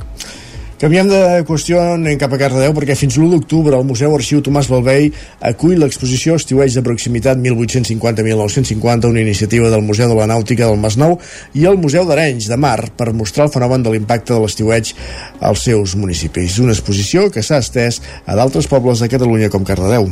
Enric Rubio. Així és, Isaac. Estiueig de proximitat es va inaugurar al juny al Museu Arxiu Tomàs Balvei de Cardedeu i estarà fins 1 d'octubre coincidint amb la Diada Modernista. Una exposició que ens ajuda a entendre com es vivia el fenomen d'estiueig en una població que dia a dia, ai, que a dia d'avui encara conserva cases modernistes i noucentistes i els nets dels qui venien a estiuejar que ja s'han quedat a viure al poble. I com tot el museu, eh, al Museu Arxiu Balvei de Cardedeu trobem també l'exposició Cardedeu mirant passat, teixint futur, una exposició per donar a conèixer el territori i la seva història. I és que el Cardedeu dels nostres avis és molt diferent al que coneixem ara. Els carrers, els comerços, les places i també els jocs com jugar a bales. És un moment en què eh, marca una mica la data eh, d'inici d'aquest fenomen no? de les classes benestants de la ciutat de Barcelona, no? vinculades a la burgesia industrial, que volien sortir de la ciutat eh, doncs per fer salut, per fer aquest turisme de proximitat i anaven a, a, a les segones residències que tenien eh, doncs això, amb aquest radi al voltant, en aquests municipis al voltant de la ciutat de Barcelona per passar doncs, tot, el, tot el període estival que s'allargava doncs, fins ben entrada a la tardor. Tots els infants dels diferents barris de Cardedeu es trobaven per jugar a bales i feien guerres entre les diferents colles, però abans eh, de quedar per jugar no depenia d'un WhatsApp. Els jocs d'abans encara avui perduren, amb altres noms i d'altres estris, i malgrat jugar al carrer no és una pràctica tan habitual com abans. El record encara perduda, perdura en la memòria de molts. Gràcies, Enric. I més qüestions, obrim plana esportiva perquè l'Olost, el club de futbol Olost, celebra una, en una emotiva jornada als 100 anys de futbol al poble. Una trentena de jugadors van tornar a defensar la samarreta verd i blanca per afrontar-se al predenc de veterans. El resultat, tot i que era el de menys, va ser de 3 a 0 per al conjunt local amb gols de Lluma, Arnau Marçó i Xeixa. El mític, el mític camp de sorra, un dels pocs que queden a la comarca, que amb la pluja va deixar un terreny de joc immillorable, va ser l'escenari del retrobament d'aquests jugadors i com que el partit estava obert a tothom, a l'Olós s'hi van afegir un parell de jugadors del poble d'una vintena d'anys que per la seva joventut mai havien pogut jugar en aquest equip. La resta tenien entre 30 i 60 anys. Després del partit es va fer un sopar de germanor que va, acabar, que va acabar amb una discomòbil. L'objectiu de la trobada era recuperar la il·lusió del futbol i fer reneixer el club.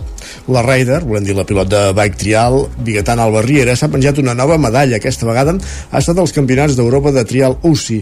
La final va estar protagonitzada una vegada més per Vera Barón, Nina Reichenbach i la mateixa Alba Riera.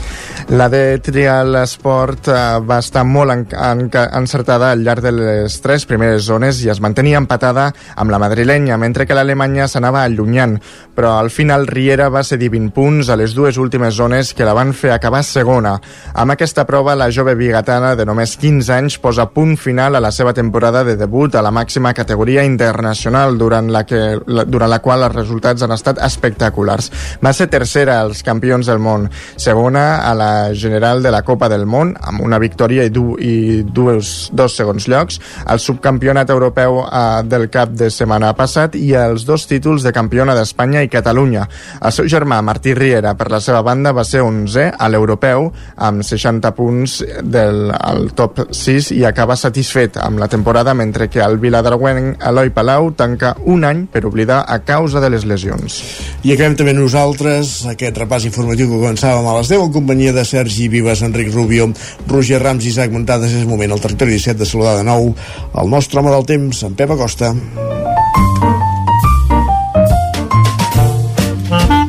Casa Terradellos us ofereix el temps. Què passarà avui meteorològicament parlant? Ona Codinenca, Pep Acosta, benvingut de nou. Avui serà un dia uh, més inestable.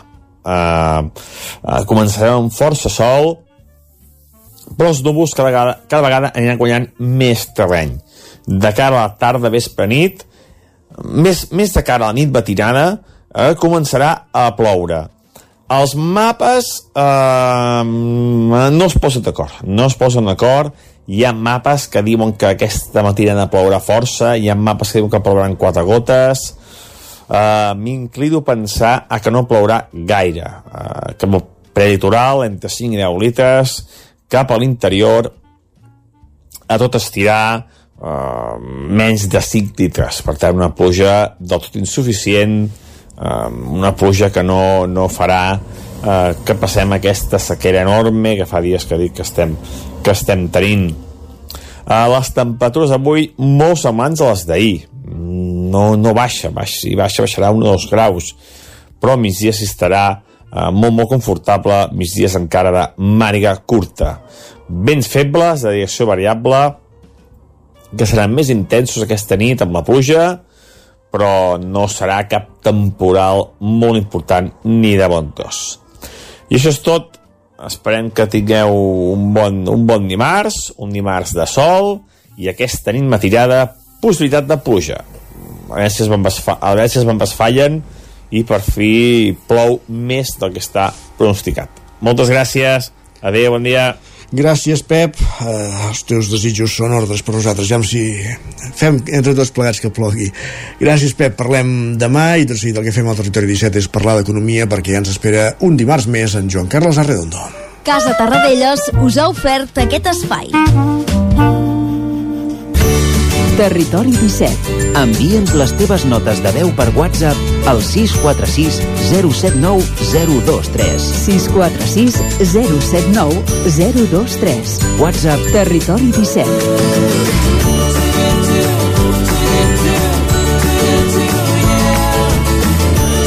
Territori 17. Som a Facebook, Twitter i Instagram amb l'usuari Territori 17. Minutet i serà un quart d'onze del matí.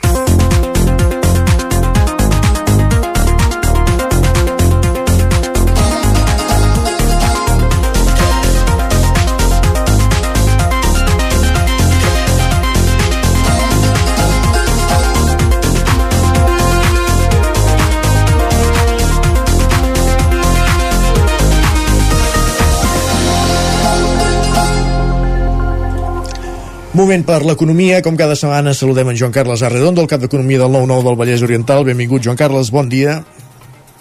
Bon dia. I avui amb un tema que és recurrent, però és que sempre hi hem de posar la banya, que són els beneficis de la banca. Sí, perquè, de fet, no sé, eh, estem veient crisis energètiques, terratrèmols, inundacions, guerres, cops d'estat a l'Àfrica, eleccions, suposades amnisties, o sigui, tot, tot, tot de fets que, que segurament alteren una mica el dia a dia, no? una mica o molt, però n'hi ha un que, que, ha un que no, que no s'altera mai, no? que són aquest, això que comentaves, els beneficis bancaris. Són beneficis bancaris que baten rècord sobre rècord, eh? eh uh -huh. com si fos un déjà vu, sí. en plenes vacances d'estiu, eh? finals de juliol, principis d'agost, es coneixia el global dels resultats bancaris del primer semestre i no es podia saber. Van ser rècord dels últims anys. Mm, posem-hi números um, els grans bancs han guanyat eh, en aquest, entre gener i juny 12.385 milions d'euros eh? el creixement és d'un... Sí, aviat és dit, de tenir-los a no tenir-los en són molts. Eh? Uh, el creixement és superior al 20% respecte al mateix període de l'any passat. Ho han fet en el primer tram de l'exercici en el qual el nou impost extraordinari sobre l'activitat havia de fer caure les set plagues d'Egipte sobre el negoci financer i pel que és vist clarament de, de plaga no n'hi va haver cap ni una. Um, ni tan sols de la cotització bancària que aquesta era la gran preocupació que expressaven els directius de les entitats eh, molt en la línia que tenen aquests directius estan més preocupats pels accionistes que pels clients. Doncs eh, quan es va decidir que, que s'implantaria que s'aplicaria l'impost eh, van, van dir que això afectaria molt la cotització bancària. Doncs bé, l'afectació és la següent. La gran banca havia guanyat un 30% de valoració en borsa en el, premi, en el primer semestre. Eh, una repercussió, diguem-ne, escassa, no? Una repassada ràpida per les entitats permetrà comprovar com el nou impost, amb el qual l'Estat ha recaptat, per cert, 637 milions d'euros, això en els primers sis mesos, doncs okay, una, una repassada ràpida permet veure fins a quin punt la incidència del tan criticat tribut, tribut és eh, minsa. Eh? El Banc Santander és l'entitat que ha declarat més beneficis per tancar el que qualifica com a millor primer semestre de la seva història. Uh -huh. 5.241 milions d'euros amb un creixement del 7% respecte a fa un any. Jo, jo en tinc prou, eh? Ha pagat amb el pic, gairebé amb el pico, eh, allò que diuen. Exacte. Doncs això, doncs, eh, per l'impost ha pagat 227 milions d'euros, eh? si, si no, eh, aquest benefici hauria crescut un 11% i no pas un 7%. El BBVA no es queda enrere i de fet és l'avenç encara és més espectacular. Guanya 3.878 milions d'euros i creix un 31%. També és el millor primer semestre de la seva història i cal remuntar-se a 2010 per trobar un exercici així de profitós seguim enumerant, eh? CaixaBank, resultat una mica més modest, 2.137 milions d'euros i un creixement encara més notable, 35%. Uh, els increments encara són més notables en entitats més petites, 45% al Banc Sabadell, 664 milions de beneficis, 54% de creixement Banc Inter, només Unicaja, que és una entitat mm, afectada per problemàtiques que tenen més a veure amb la gestió que no pas amb, el, amb la fiscalitat, no pas amb l'impost, va reduir els impostos en aquest primer, en aquest primer mig any. Aquests resultats indiquen que els bancs estan traient més profit que no pas perjudicis per les normatives externes. Dit d'una altra manera, el que està portant beneficis a la banca prové de decisions que no s'han pres exactament en els seus ben remunerats òrgans de govern. Eh, les decisions que més els beneficien es prenen a Frankfurt, la seu del Banc Central Europeu. En els últims 13 mesos han incrementat 10 vegades els tipus d'interès, l'última dijous passat, uh -huh. i això està portant a aquest increment d'ingressos i guanys per la banca. En canvi, les decisions que es prenen a Madrid, eh, que, que han estat susceptibles de crítiques descarnades i recursos judicials, tenen una incidència més aviat limitada. L'evolució dels resultats és un indicatiu que els motius que havien portat a aplicar l'impost, cal remarcar que és un impost extraordinari i temporal, doncs aquests, um, aquests motius eh, no estan allunyats del que era la realitat. Eh, de fet, cal recordar que el govern va justificar la imposició del tribut precisament per les polítiques perquè les polítiques monetàries afavorien l'activitat de la banca i això també ho havien fet anteriorment amb les companyies elèctriques que estaven afavorides per una conjuntura d'uns preus exageradament elevats. En el cas de la banca, l'impost, recordem-ho, eh, eh, grava amb un 4,8% els imports obtinguts per marges comercials i comissions només per l'activitat que desenvolupen a l'Estat. Si aquests beneficis s'obtenen a Mèxic, com ha estat, per exemple, el cas de, del BBVA, eh, diguem-ne que no, no, no, no queden gravades. Com ha influït doncs, en el benefici de la banca l'existència de l'impost? Doncs s'ha cruspit aquells 300, eh, 637 milions d'euros que comentàvem sobre un volum de 12.385. Això voldria dir que sense l'impost els beneficis haurien estat un 5% més elevats. Cal suposar que, com que l'impacte de l'impost ha estat inferior al creixement dels beneficis, aquella gran preocupació que dèiem abans per la resposta que tindria el tribut sobre els accionistes és tan mínima de fet, és difícil quantificar el grau d'espan eh, d'accionistes de tothom, de fet. Uh, però vist que la cotització bancària ha crescut més d'un terç, no és temerari concloure que aquest, aquest espan estat contingut, eh, per dir-ho sí. per dir d'una manera suau. Uh -huh. Tot i que l'impacte de l'impost sobre els resultats eh, s'està manifestant poc intens, els directius de les entitats bancàries sí que mantenen la intensitat de les crítiques i de les accions judicials. De moment, aquestes últimes, les accions judicials, eh, sense gaires resultats. De fet, la setmana passada l'Audiència Nacional va rebutjar la proposta d'algunes entitats, certament les més petites, eh, Banc Sabadell, Banc Inter, Cuchabank, que havien demanat de suspendre cautelarment l'aplicació de l'impost extraordinari i d'elevar al Tribunal de Justícia Europeu una pregunta sobre la validesa del tribut. L'audiència no entra a fons en la qüestió, això és cert, però, mm, i, i, i només ho fa sobre mesures cautelars, però de moment la banca ja ha hagut, diguem-ne, d'afluixar la mosca eh, del primer pagament.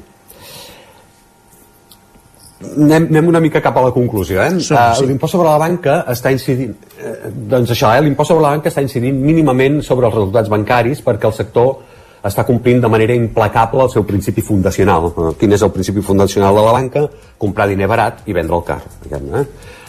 Eh, això ho explica molt bé el periodista Jordi Gou a VilaWeb eh?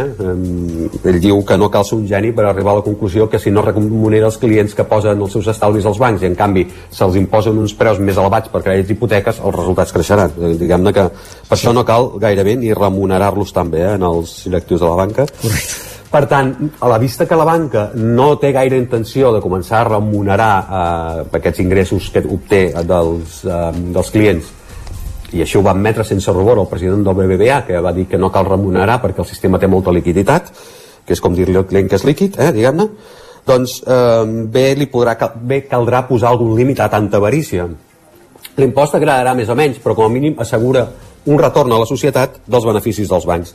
I si els, els bancs no volen retornar això voluntàriament en forma de remuneració, eh, doncs toca que sigui per llei. I, mm, per tant, diguem-ne que mm, d'una manera o altra eh, haurien de veure que s'ha de retornar una mica d'aquests grans eh, beneficis que estan obtenint.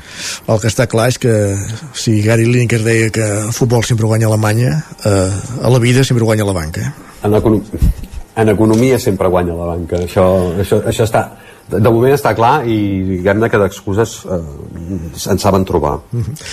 Tenen recorregut aquesta, eh, aquestes demandes judicials que esmentaves d'aquests bancs sobre aquest impost o, o creus que jo...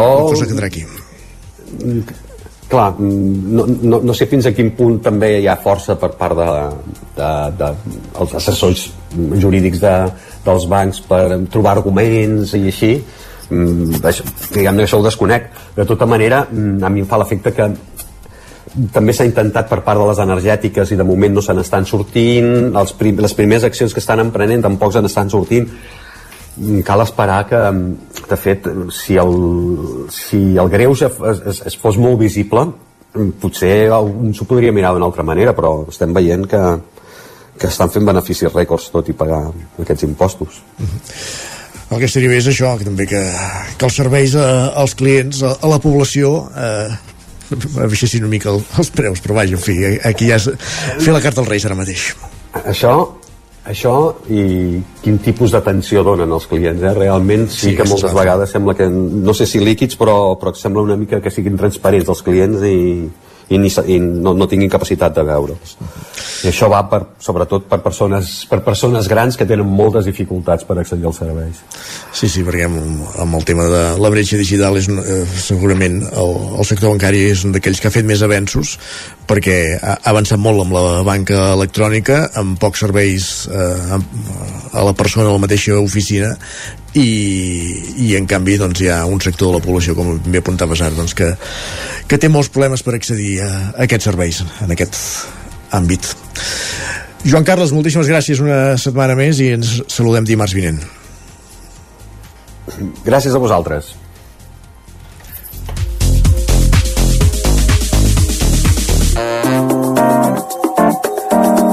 Territori 17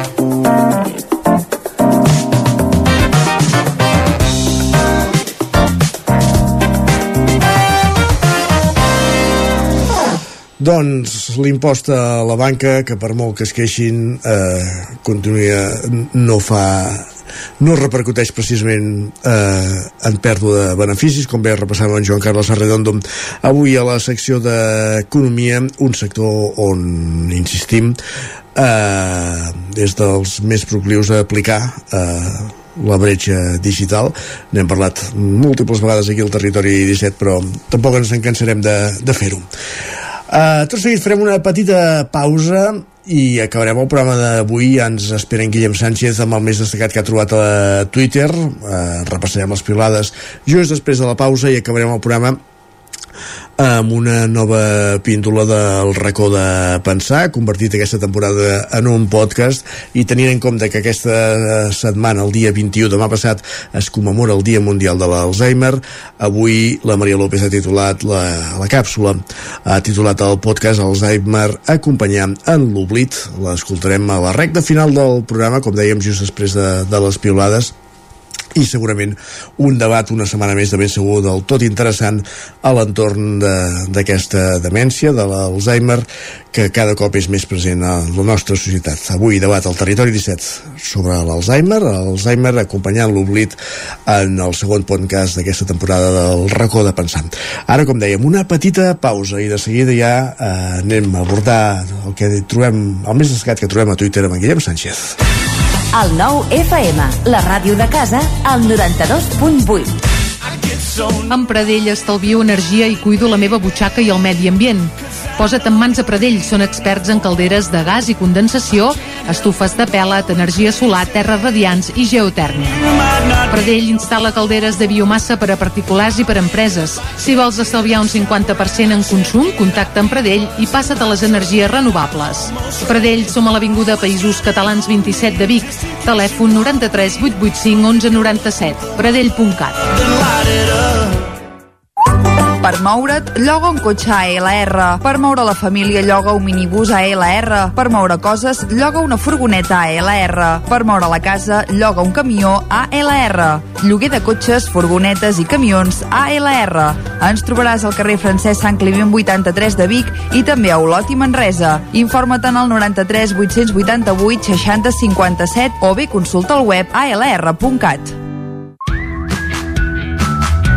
Si t'agraden les antiguitats, vine a l'1 d'octubre al recinte Firal al Sucre de Vic. A la descarregada de Vic hi trobaràs mobiliari, objectes de decoració, peces d'art, joies, eines, llibres i moltes coses més. Descarregada d'Antiguitats de Vic, diumenge 1 d'octubre, de 8 del matí a 2 del migdia. Sorteig d'un obsequi. Quan tingui un problema amb la seva caldera, vagi directament a la solució. Truqui sempre al servei tècnic oficial de Saunier Duval i despreocupis, perquè som fabricants i coneixem les nostres calderes peça a peça. I ara aconseguiu fins a 300 euros en canviar la caldera. Informeu-vos al 910 77 10 50 o a saunierduval.es. Cada dimarts a les 11 de la nit, al 9 FM, repàs de l'actualitat esportiva a la banqueta. Cocodril Club. Si t'agrada la bona música dels anys 60, 70 i 80, escolta el 9 FM els matins de dissabtes i diumenges d'11 a 1. És el temps del Cocodril Club, tot un clàssic de la ràdio, amb les bases del pop-rock, les llegendes, les cançons que s'han convertit en autèntics himnes. Recorda, dissabtes i diumenges al matí, d'11 a 1, al 9 FM 92.8. Cocodril Club, el programa revival de l'Albert Malla. Hasta luego, cocodrilo. Ser a prop vol dir veure les coses més bé. Apropa't al que t'interessa amb la xarxa Més. La teva plataforma audiovisual de qualitat, proximitat i gratuïta. Gaudeix dels continguts de més de 30 televisions locals i podcast quan, com i on tu vulguis. Entra a la xarxa més.cat i descarrega't l'app. El nou FM, la ràdio de casa, al 92.8. Ara mateix en punt, dos quarts d'onze del matí.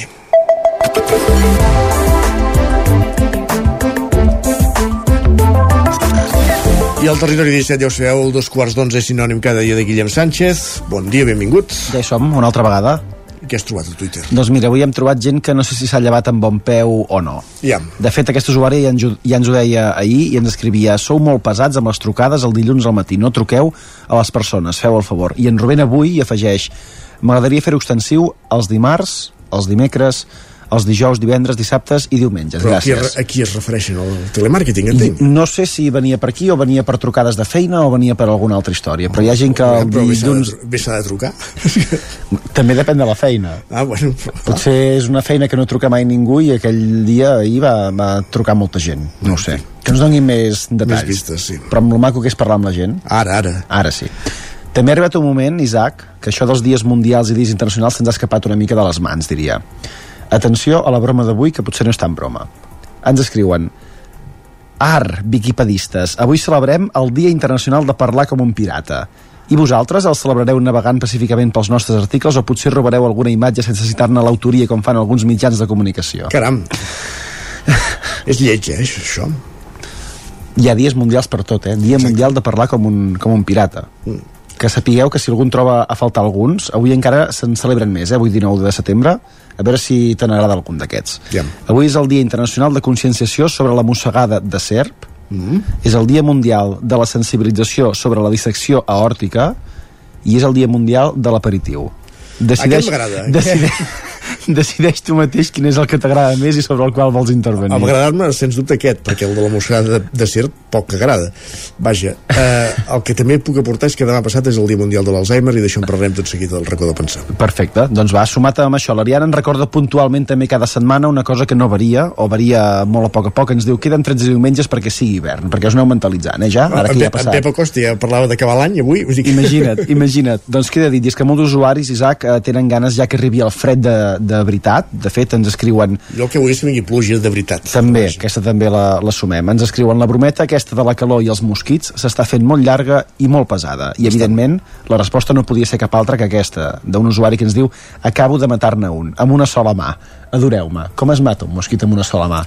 Sigui, al vol. Directament al vol? Sí, no. O contra alguna O finestra, o contra alguna paret, o... Ja, sí, sí. Habilitats, eh? S'han de tenir habilitats. I la Mar diu allò que tots pensem quan llegim tuits com aquests. Ens diu, equip hivern, equip hivern. Després tots són queixes quan arriba el mes de gener. També és cert. És que hi ha dos equips molt, molt, molt marcats, Llavors eh? puja la factura de la calefacció, en fi, també Correcte, fa sí. fred. Hi ha, hi, ha, hi ha altres problemes i altres condicionants. Correcte. Isaac, què vas veure ahir a la, a la tele abans d'anar a dormir? Uh, suposo que et refereixes al foraster de Camprodon. És que hi havia dues opcions també molt i molt marcades. Una era la del foraster i l'altra quina era? Ai, no ho sé, ara m'has d'ubicar. Mira, en David ens escrivia, diu Girona, futbol xampany, quin, quin Ah, però- gaudi però- al veure aquest equip. Però per això has de tenir una plataforma que t'ofereixi el partit. I pagar-ho, també no pagar No, sí, suposo que molta gent es va fixar amb el, amb el Foraster en aquest primer programa de la nova temporada que se'n van anar cap al Ripollès, cap a Camprodon. L'Alba ens escrivia, diu, el Foraster d'avui és el millor de tots. Ah, mira. Bueno, dit... Vaig pensar que els de Barcelona se sentirien... eh, En fi, farien algun comentari. Atacats, Sí. vols, vols dir així? Els pijos de Barcelona. Tot i que potser, com ens diu aquest usuari, també hi ha opinions discordants eh, pel que fa al programa i la seva manera de fer. Atenció Ja. al que ens escriuen. Diu. Un país on cap poble hagi fet marxar el foraster amb l'amenaça real de tocar-li la cara no es mereix res. Carai. Incitar la violència. Potser és passar-se una mica, no?, aquesta, aquesta reflexió. Home, sempre és agraït, no?, que et vinguin a veure i que parlin amb tu, també, i que em vulguin Oh, conèixer. Sí que a vegades es passa de voltes amb el tracte amb la gent, però vaja, en fi. Bueno, ho deixarem aquí. Va, i vinga, acabarem amb dues reflexions interessants Ràpid. per al dia d'avui. La primera, la d'en Josep, que ens diu Només volia dir que si algú vol pagar una estada un- d'un parell d'anys a Nova York per retrobar-me a mi mateix, prometo fer-ne un llibre quan torni. Molt bé. I la d'en Guillem també és bastant bona, ens diu Primera classe d'alemany i, efectivament, dos punts. Els 120 dies de Duolingo no han servit absolutament per a res. Saps que en Guillem és el meu cosí? No sé on has anat a treure aquest En títol. sèrio? Sí. Ostres! no, no ho sabia. Bueno, de fet, per al cognom, G, Sí, sí. G Crespi, Eh, te- Tenia números, eh? doncs vinga, Va, parlem amb ell gràcies. en alemany, que vagi bé. Bon dia. Adéu. Territori 17.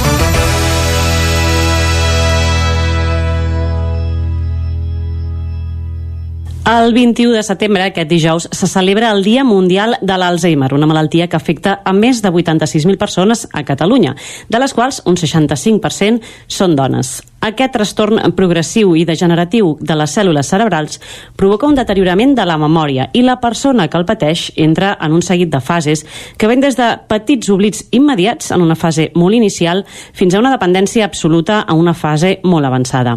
Les causes i la progressió de la malaltia no són del tot clares. Les darreres investigacions associen l'aparició de la malaltia a factors genètics o agents tòxics o ambientals.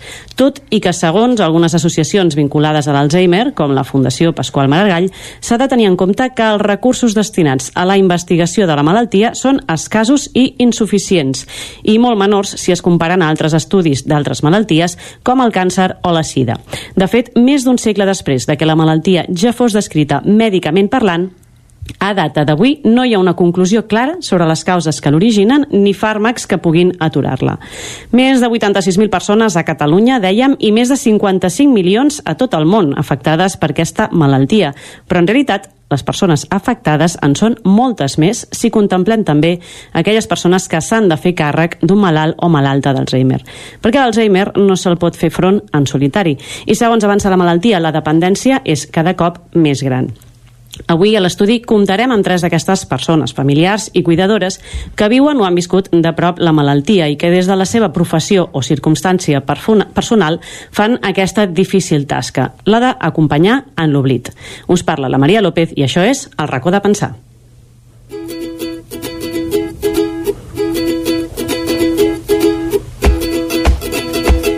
El racó de pensar, des de Ràdio Cardedeu.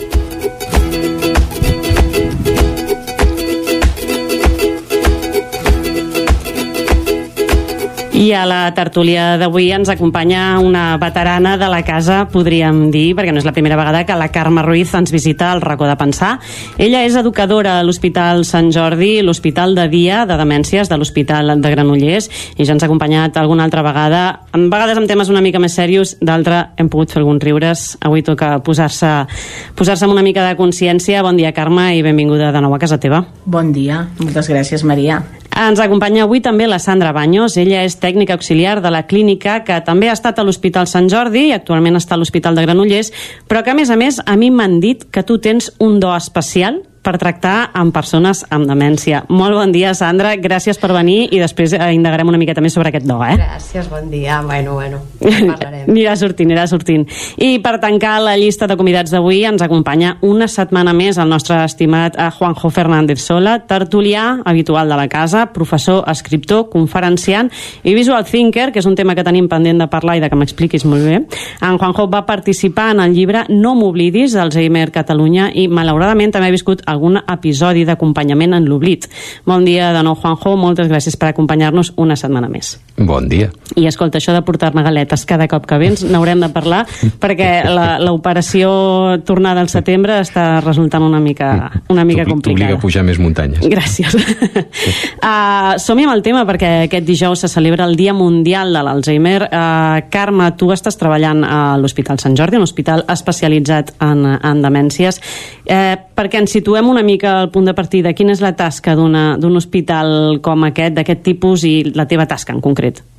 L'Hospital de Dia Sant Jordi, que pertany a l'Hospital de Granollers, és un espai d'estimulació cognitiva en el que un equip de professionals, entre ells neuropsicòlegs, eh, treballadora social, infermeria, eh, TECAIS i eh, educació social, el que fem és treballar amb el pacient, amb la persona, amb l'usuari i les seves famílies en acompanyar en tot el procés de demència.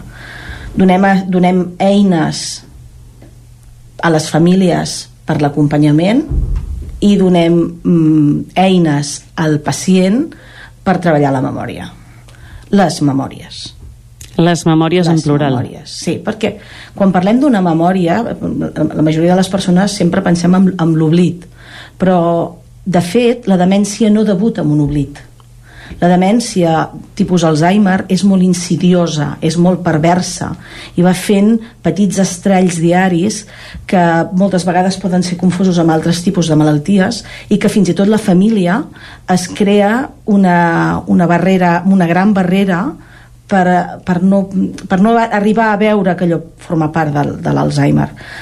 l'Alzheimer debuta sempre i això, això s'està dient darrerament 10 anys abans de la, del primer signe Fins a 10 anys abans ja entra en joc, diguéssim, d'alguna manera, no? Jo, eh, moltes vegades és una, una, una percepció tan estúpida com petits oblits en, amb actituds quotidianes, amb, amb noms quotidians, amb, amb situacions del dia a dia. I això debuta així, no? I no tant debuta amb la memòria, sinó, per exemple, amb les funcions executives, no? No en recordar-te'n, per exemple, d'una contrasenya de com obrir un, un, un, un, un arxiu amb un Mhm. programa d'ordinador o en la teva vida laboral. De fet, afecta la laboral, al, al món laboral en les persones més joves.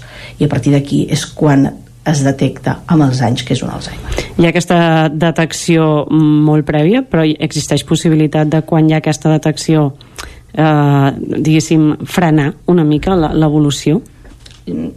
no està demostrat, però el que sí que sabem des de l'Hospital de Dia Sant Jordi és que en el moment en què arriben persones amb un procés prodròmic, vol dir amb un procés molt incipient en el que no hi han signes evidents de la malaltia però que nosaltres ja els detectem, nosaltres els neuropsicòlegs els detecten, aleshores comencem a treballar a partir d'aquí i el que veiem és que tant l'estimulació com la socialització, com les eines de treball, com el grup acompanyen en aquest procés i a l'augmentar l'autoestima per tots aquests components externs que nosaltres estem donant no és que es freni però diguem-ne que s'em- s'em- s'emprèn d'una altra manera tot plegat Uh -huh. Sandra, Carme, entenc que vosaltres havíeu coincidit en algun moment a l'Hospital de Sant Jordi. Sandra, ja a mi m'han dit això, he dit a a l'entrada, que tu tens un do per tractar... Uh, sé que modèstia segurament em diràs que no, però tu t'hi enfrontes uh, diàriament, no? Entenc, amb moltes persones amb aquest tipus de malaltia. Com, com podem acompanyar una persona? que Suposo que l'acompanyament és molt diferent segons la fase, no? Però com d'alguna manera, com, com podem fer-ho de la millor manera possible? Sí, bueno, a part de tot, gràcies per, per lo del do, però bueno, jo crec que som molts, molts els que fem aquest acompanyament i, i ens agrada molt treballar amb aquest, amb aquest tema perquè de totes formes s'ha de fer una mica de diferència en el que és a l'Hospital de Dia de Sant Jordi perquè he tingut la sort de poder estar amb ells i puntualment hi vaig o a hospitalització, perquè a l'Hospital Sant Jordi ja la casella de sortida ja ens dona una mica d'avantatge perquè ja sabem a què anem Uh -huh. i ja estem diagnosticats. I per altra banda, estic a la unitat de geriatria de l'hospital, hi ha molt d'ingrés de, de pacient geriàtric, és un perfil d'un pacient molt vulnerable, molt feble, però que moltes vegades no està diagnosticat. I és en allà on es fa una miqueta el descobriment tant pel propi malalt com per la família. Moment, imagino, molt dur eh, per, per tots dos casos, perquè a més segurament en un moment tan incipient la persona és, mm, o sigui, està en un moment conscient quan sap, o sigui, sa, encara controla tot i, i sap que té aquesta malaltia, no? Sí, sí, sí, perquè moltes vegades, inclús quan ja van anar al Sant Jordi, la Carme pot dir, segons el nivell acadèmic o social, també els hi costa acceptar el per què estan en allà. Clar. Val? Inclús són, són gent que tenen molta capacitat, eh, moltes eines i molts recursos per, per, per entendre'ns col·loquialment per donar el pego dels Mhm. seus oblits. Per això és tan difícil de detectar. Però un cop estan hospitalitzats, veus que tu dones un esmorzar, que el deixes en allà, que sí, que van, es belluguen molt, la medicació es queda en allà, i vas descobrint que no, que no té un maneig correcte de la seva vida. El que passa que, clar, la família, per molt que hi vagi, passi per allà, hi ha temes que no els veus fins que no rasques molt. Pots posar una rentadora, pots cuinar, però com ho fas? Què menges? Com et prens la medicació? Com et rentes? Aquí és on hem d'anar rascant una miqueta de fins a quin punt hem de fer aquesta supervisió.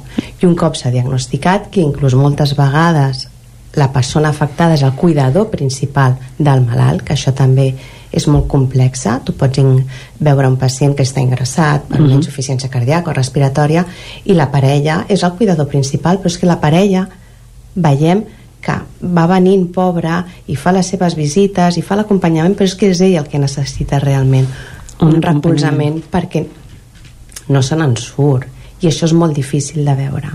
I un cop estan diagnosticats doncs òbviament l'acompanyament tant amb la família com el, amb el malalt és mantenir la dignitat al màxim possible és tractar-lo sempre sense oblidar que, que ha sigut una persona que té un bagatge, que té una vida que ha tingut una feina, que ha tingut un càrrec important, que s'ha cuidat dels fills tot això ho hem de veure en aquella persona. No hem de veure una persona que no parla que li has de donar menjar o que porta bolquer. És que, eh, i, i, i és la mirada que han de rebre, no per part meva jo no tinc cap do, és el que sempre dic. Hi ha molt allà. Hi ha uns ulls que et miren. I en qualsevol cas si no et parles igual els ulls sempre parlen. I si hi ha aquell silenci mentre tu li fas alguna d'assistència pots posar-li música que la música bueno, és la millor medicina per, per l'ànima i, i és cert. És només això. És, és donar el màxim confort, el màxim acompanyament i fer entendre a les famílies que no val això de total no s'entera, total perquè explicar-li si després no se'n recorda, no, no, no. Total no.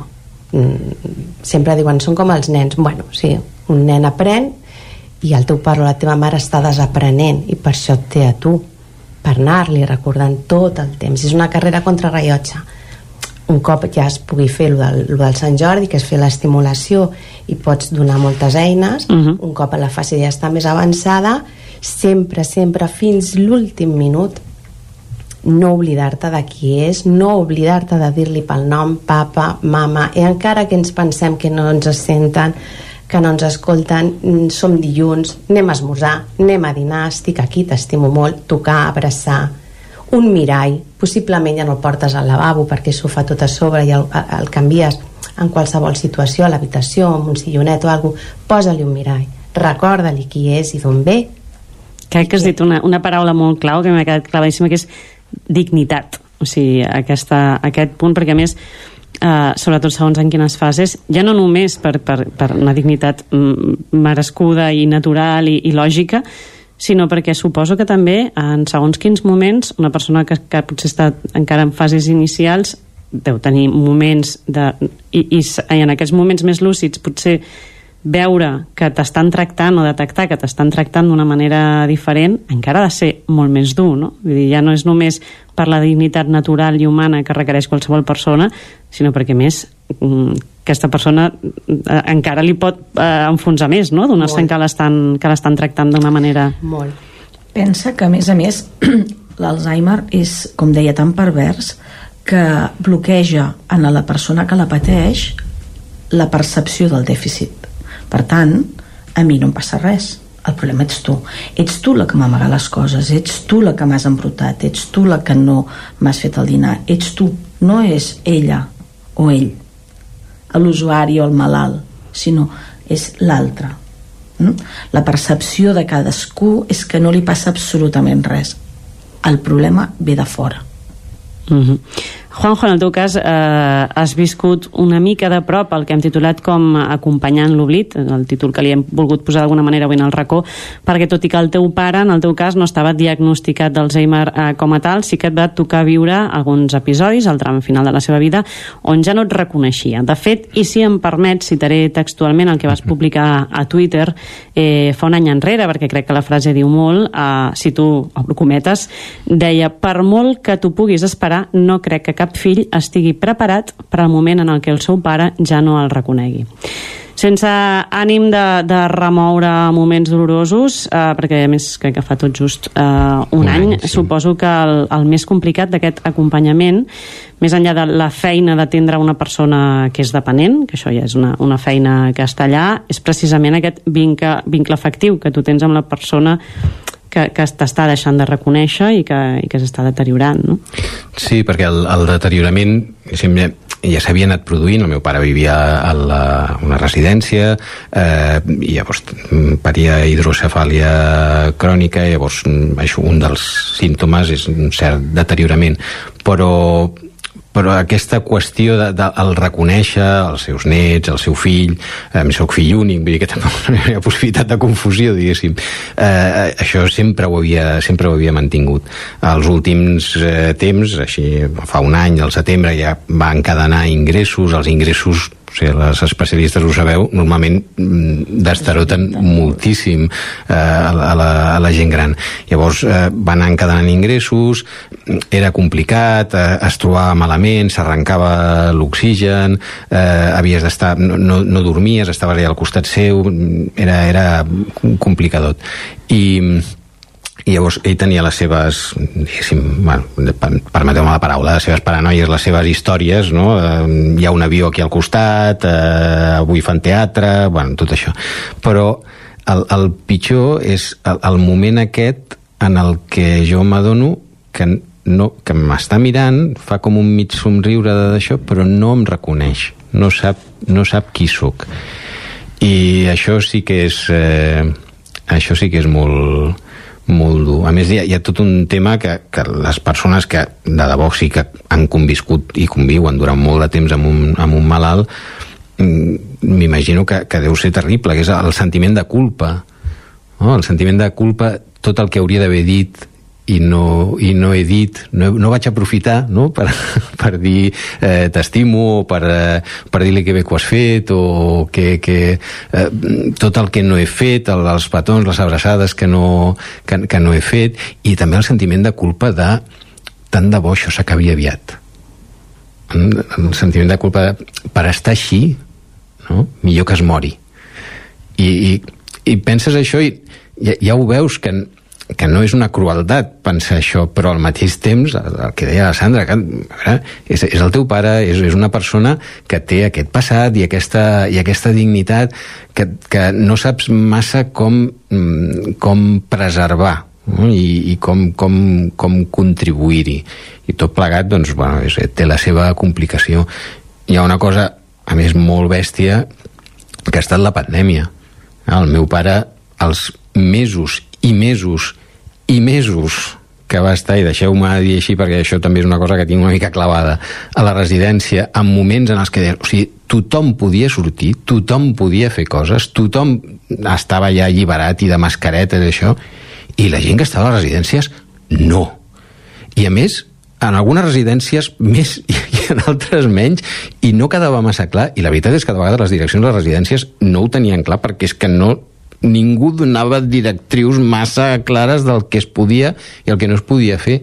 No? O sigui, la meva mare, que anava cada dia a la residència, i, i tant, que clar que podria, voldria abraçar-lo i petonejar-lo això, però és que no, no li deixaven, a més una cosa una mica de, no, no, i, vinga, i dues mascaretes que evidentment el, el meu pare ja sordejava no, no, no s'entenia una cosa molt molt lamentable Deies, a veure, no moriran de Covid però moriran de pena i jo estic segur que tot aquest temps de la pandèmia mm, a banda dels ingressos que fes per Covid, el pitjor no va ser això, el pitjor va ser el no poder eh, tocar-se amb, la, amb la meva mare, el no poder rebre aquest acompanyament i, i, aquest, eh, i aquesta, aquesta estimació.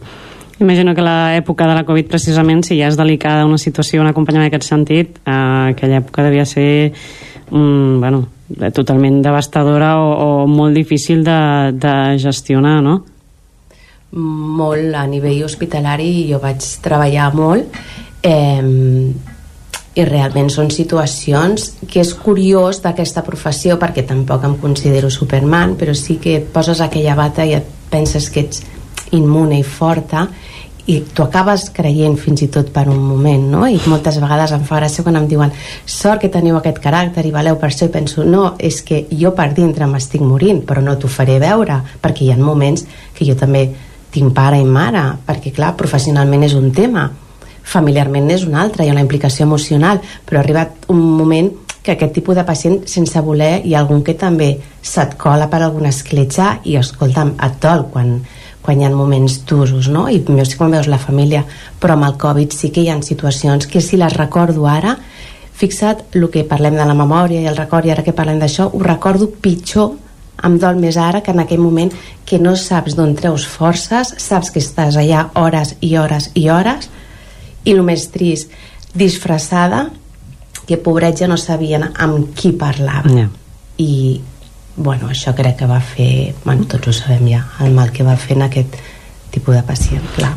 Durant aquesta època tenia persones amb demència i persones que no estaven amb demència. Jo estava a la residència, em van enviar a la residència. Doncs va haver-hi persones que van dir jo deixo de menjar. I van deixar de menjar.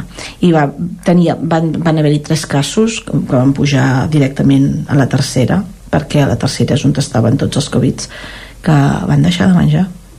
Van dir tu no, no puc estar baix, deixo de menjar. I van deixar de menjar, eh?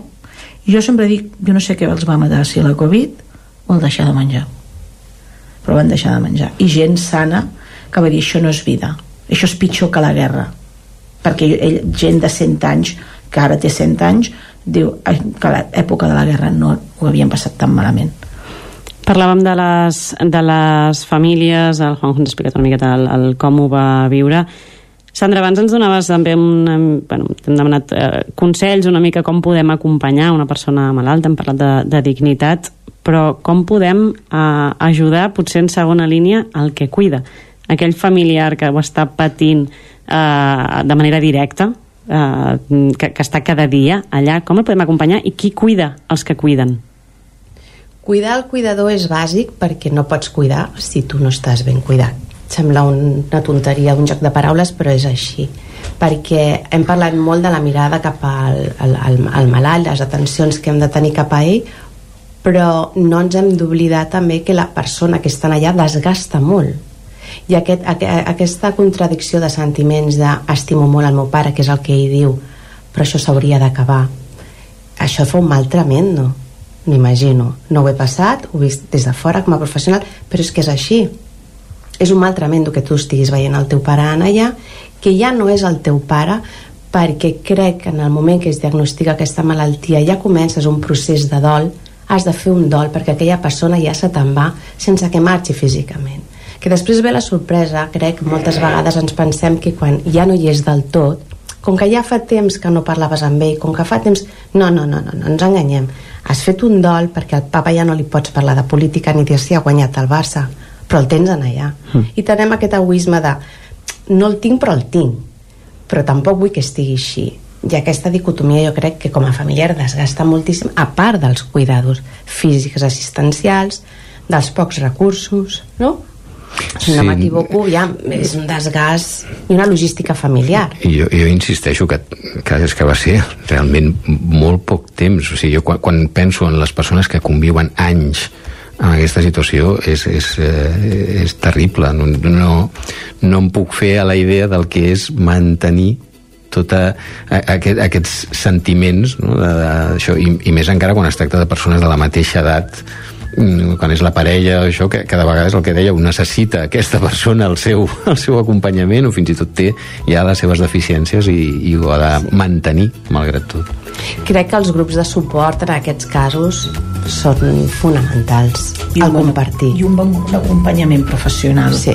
Un bon acompanyament professional. Ens quedem amb aquests uh, consells d'aquestes i em permetreu que ho digui així, aquestes superheroïnes amb capa, perquè la Sandra ho deia, et poses aquella capa, però és que jo crec que és una capa autèntica i només de sentir-vos parlar estic bastant segura que teniu aquest do del que parlàvem abans. Carme, Sandra, Juanjo, moltíssimes gràcies a tots tres per acompanyar-nos en aquesta tertúlia d'avui del racó de pensar això és casa vostra, sabeu, sempre que vulgueu podeu tornar a fer a fer-la petar amb nosaltres. I als nostres oients ens acomiadem fins dimarts que ve on parlarem del malbaratament alimentari. Moltes gràcies, tornem dimarts vinent amb un nou racó de pensar. Doncs fins dimarts, Maria, i el que, el que acabem ara també ja és el territori 17 d'avui dimarts 19 de setembre de 2023. Us hem estat acompanyant des de les 9 del matí fins ara. I tornem demà per la mateixa hora. Fins aleshores, que vagi molt bé bon dimarts. Ràdio Cardedeu, Ràdio Vic i La Veu de Sant Joan, amb el suport de la xarxa.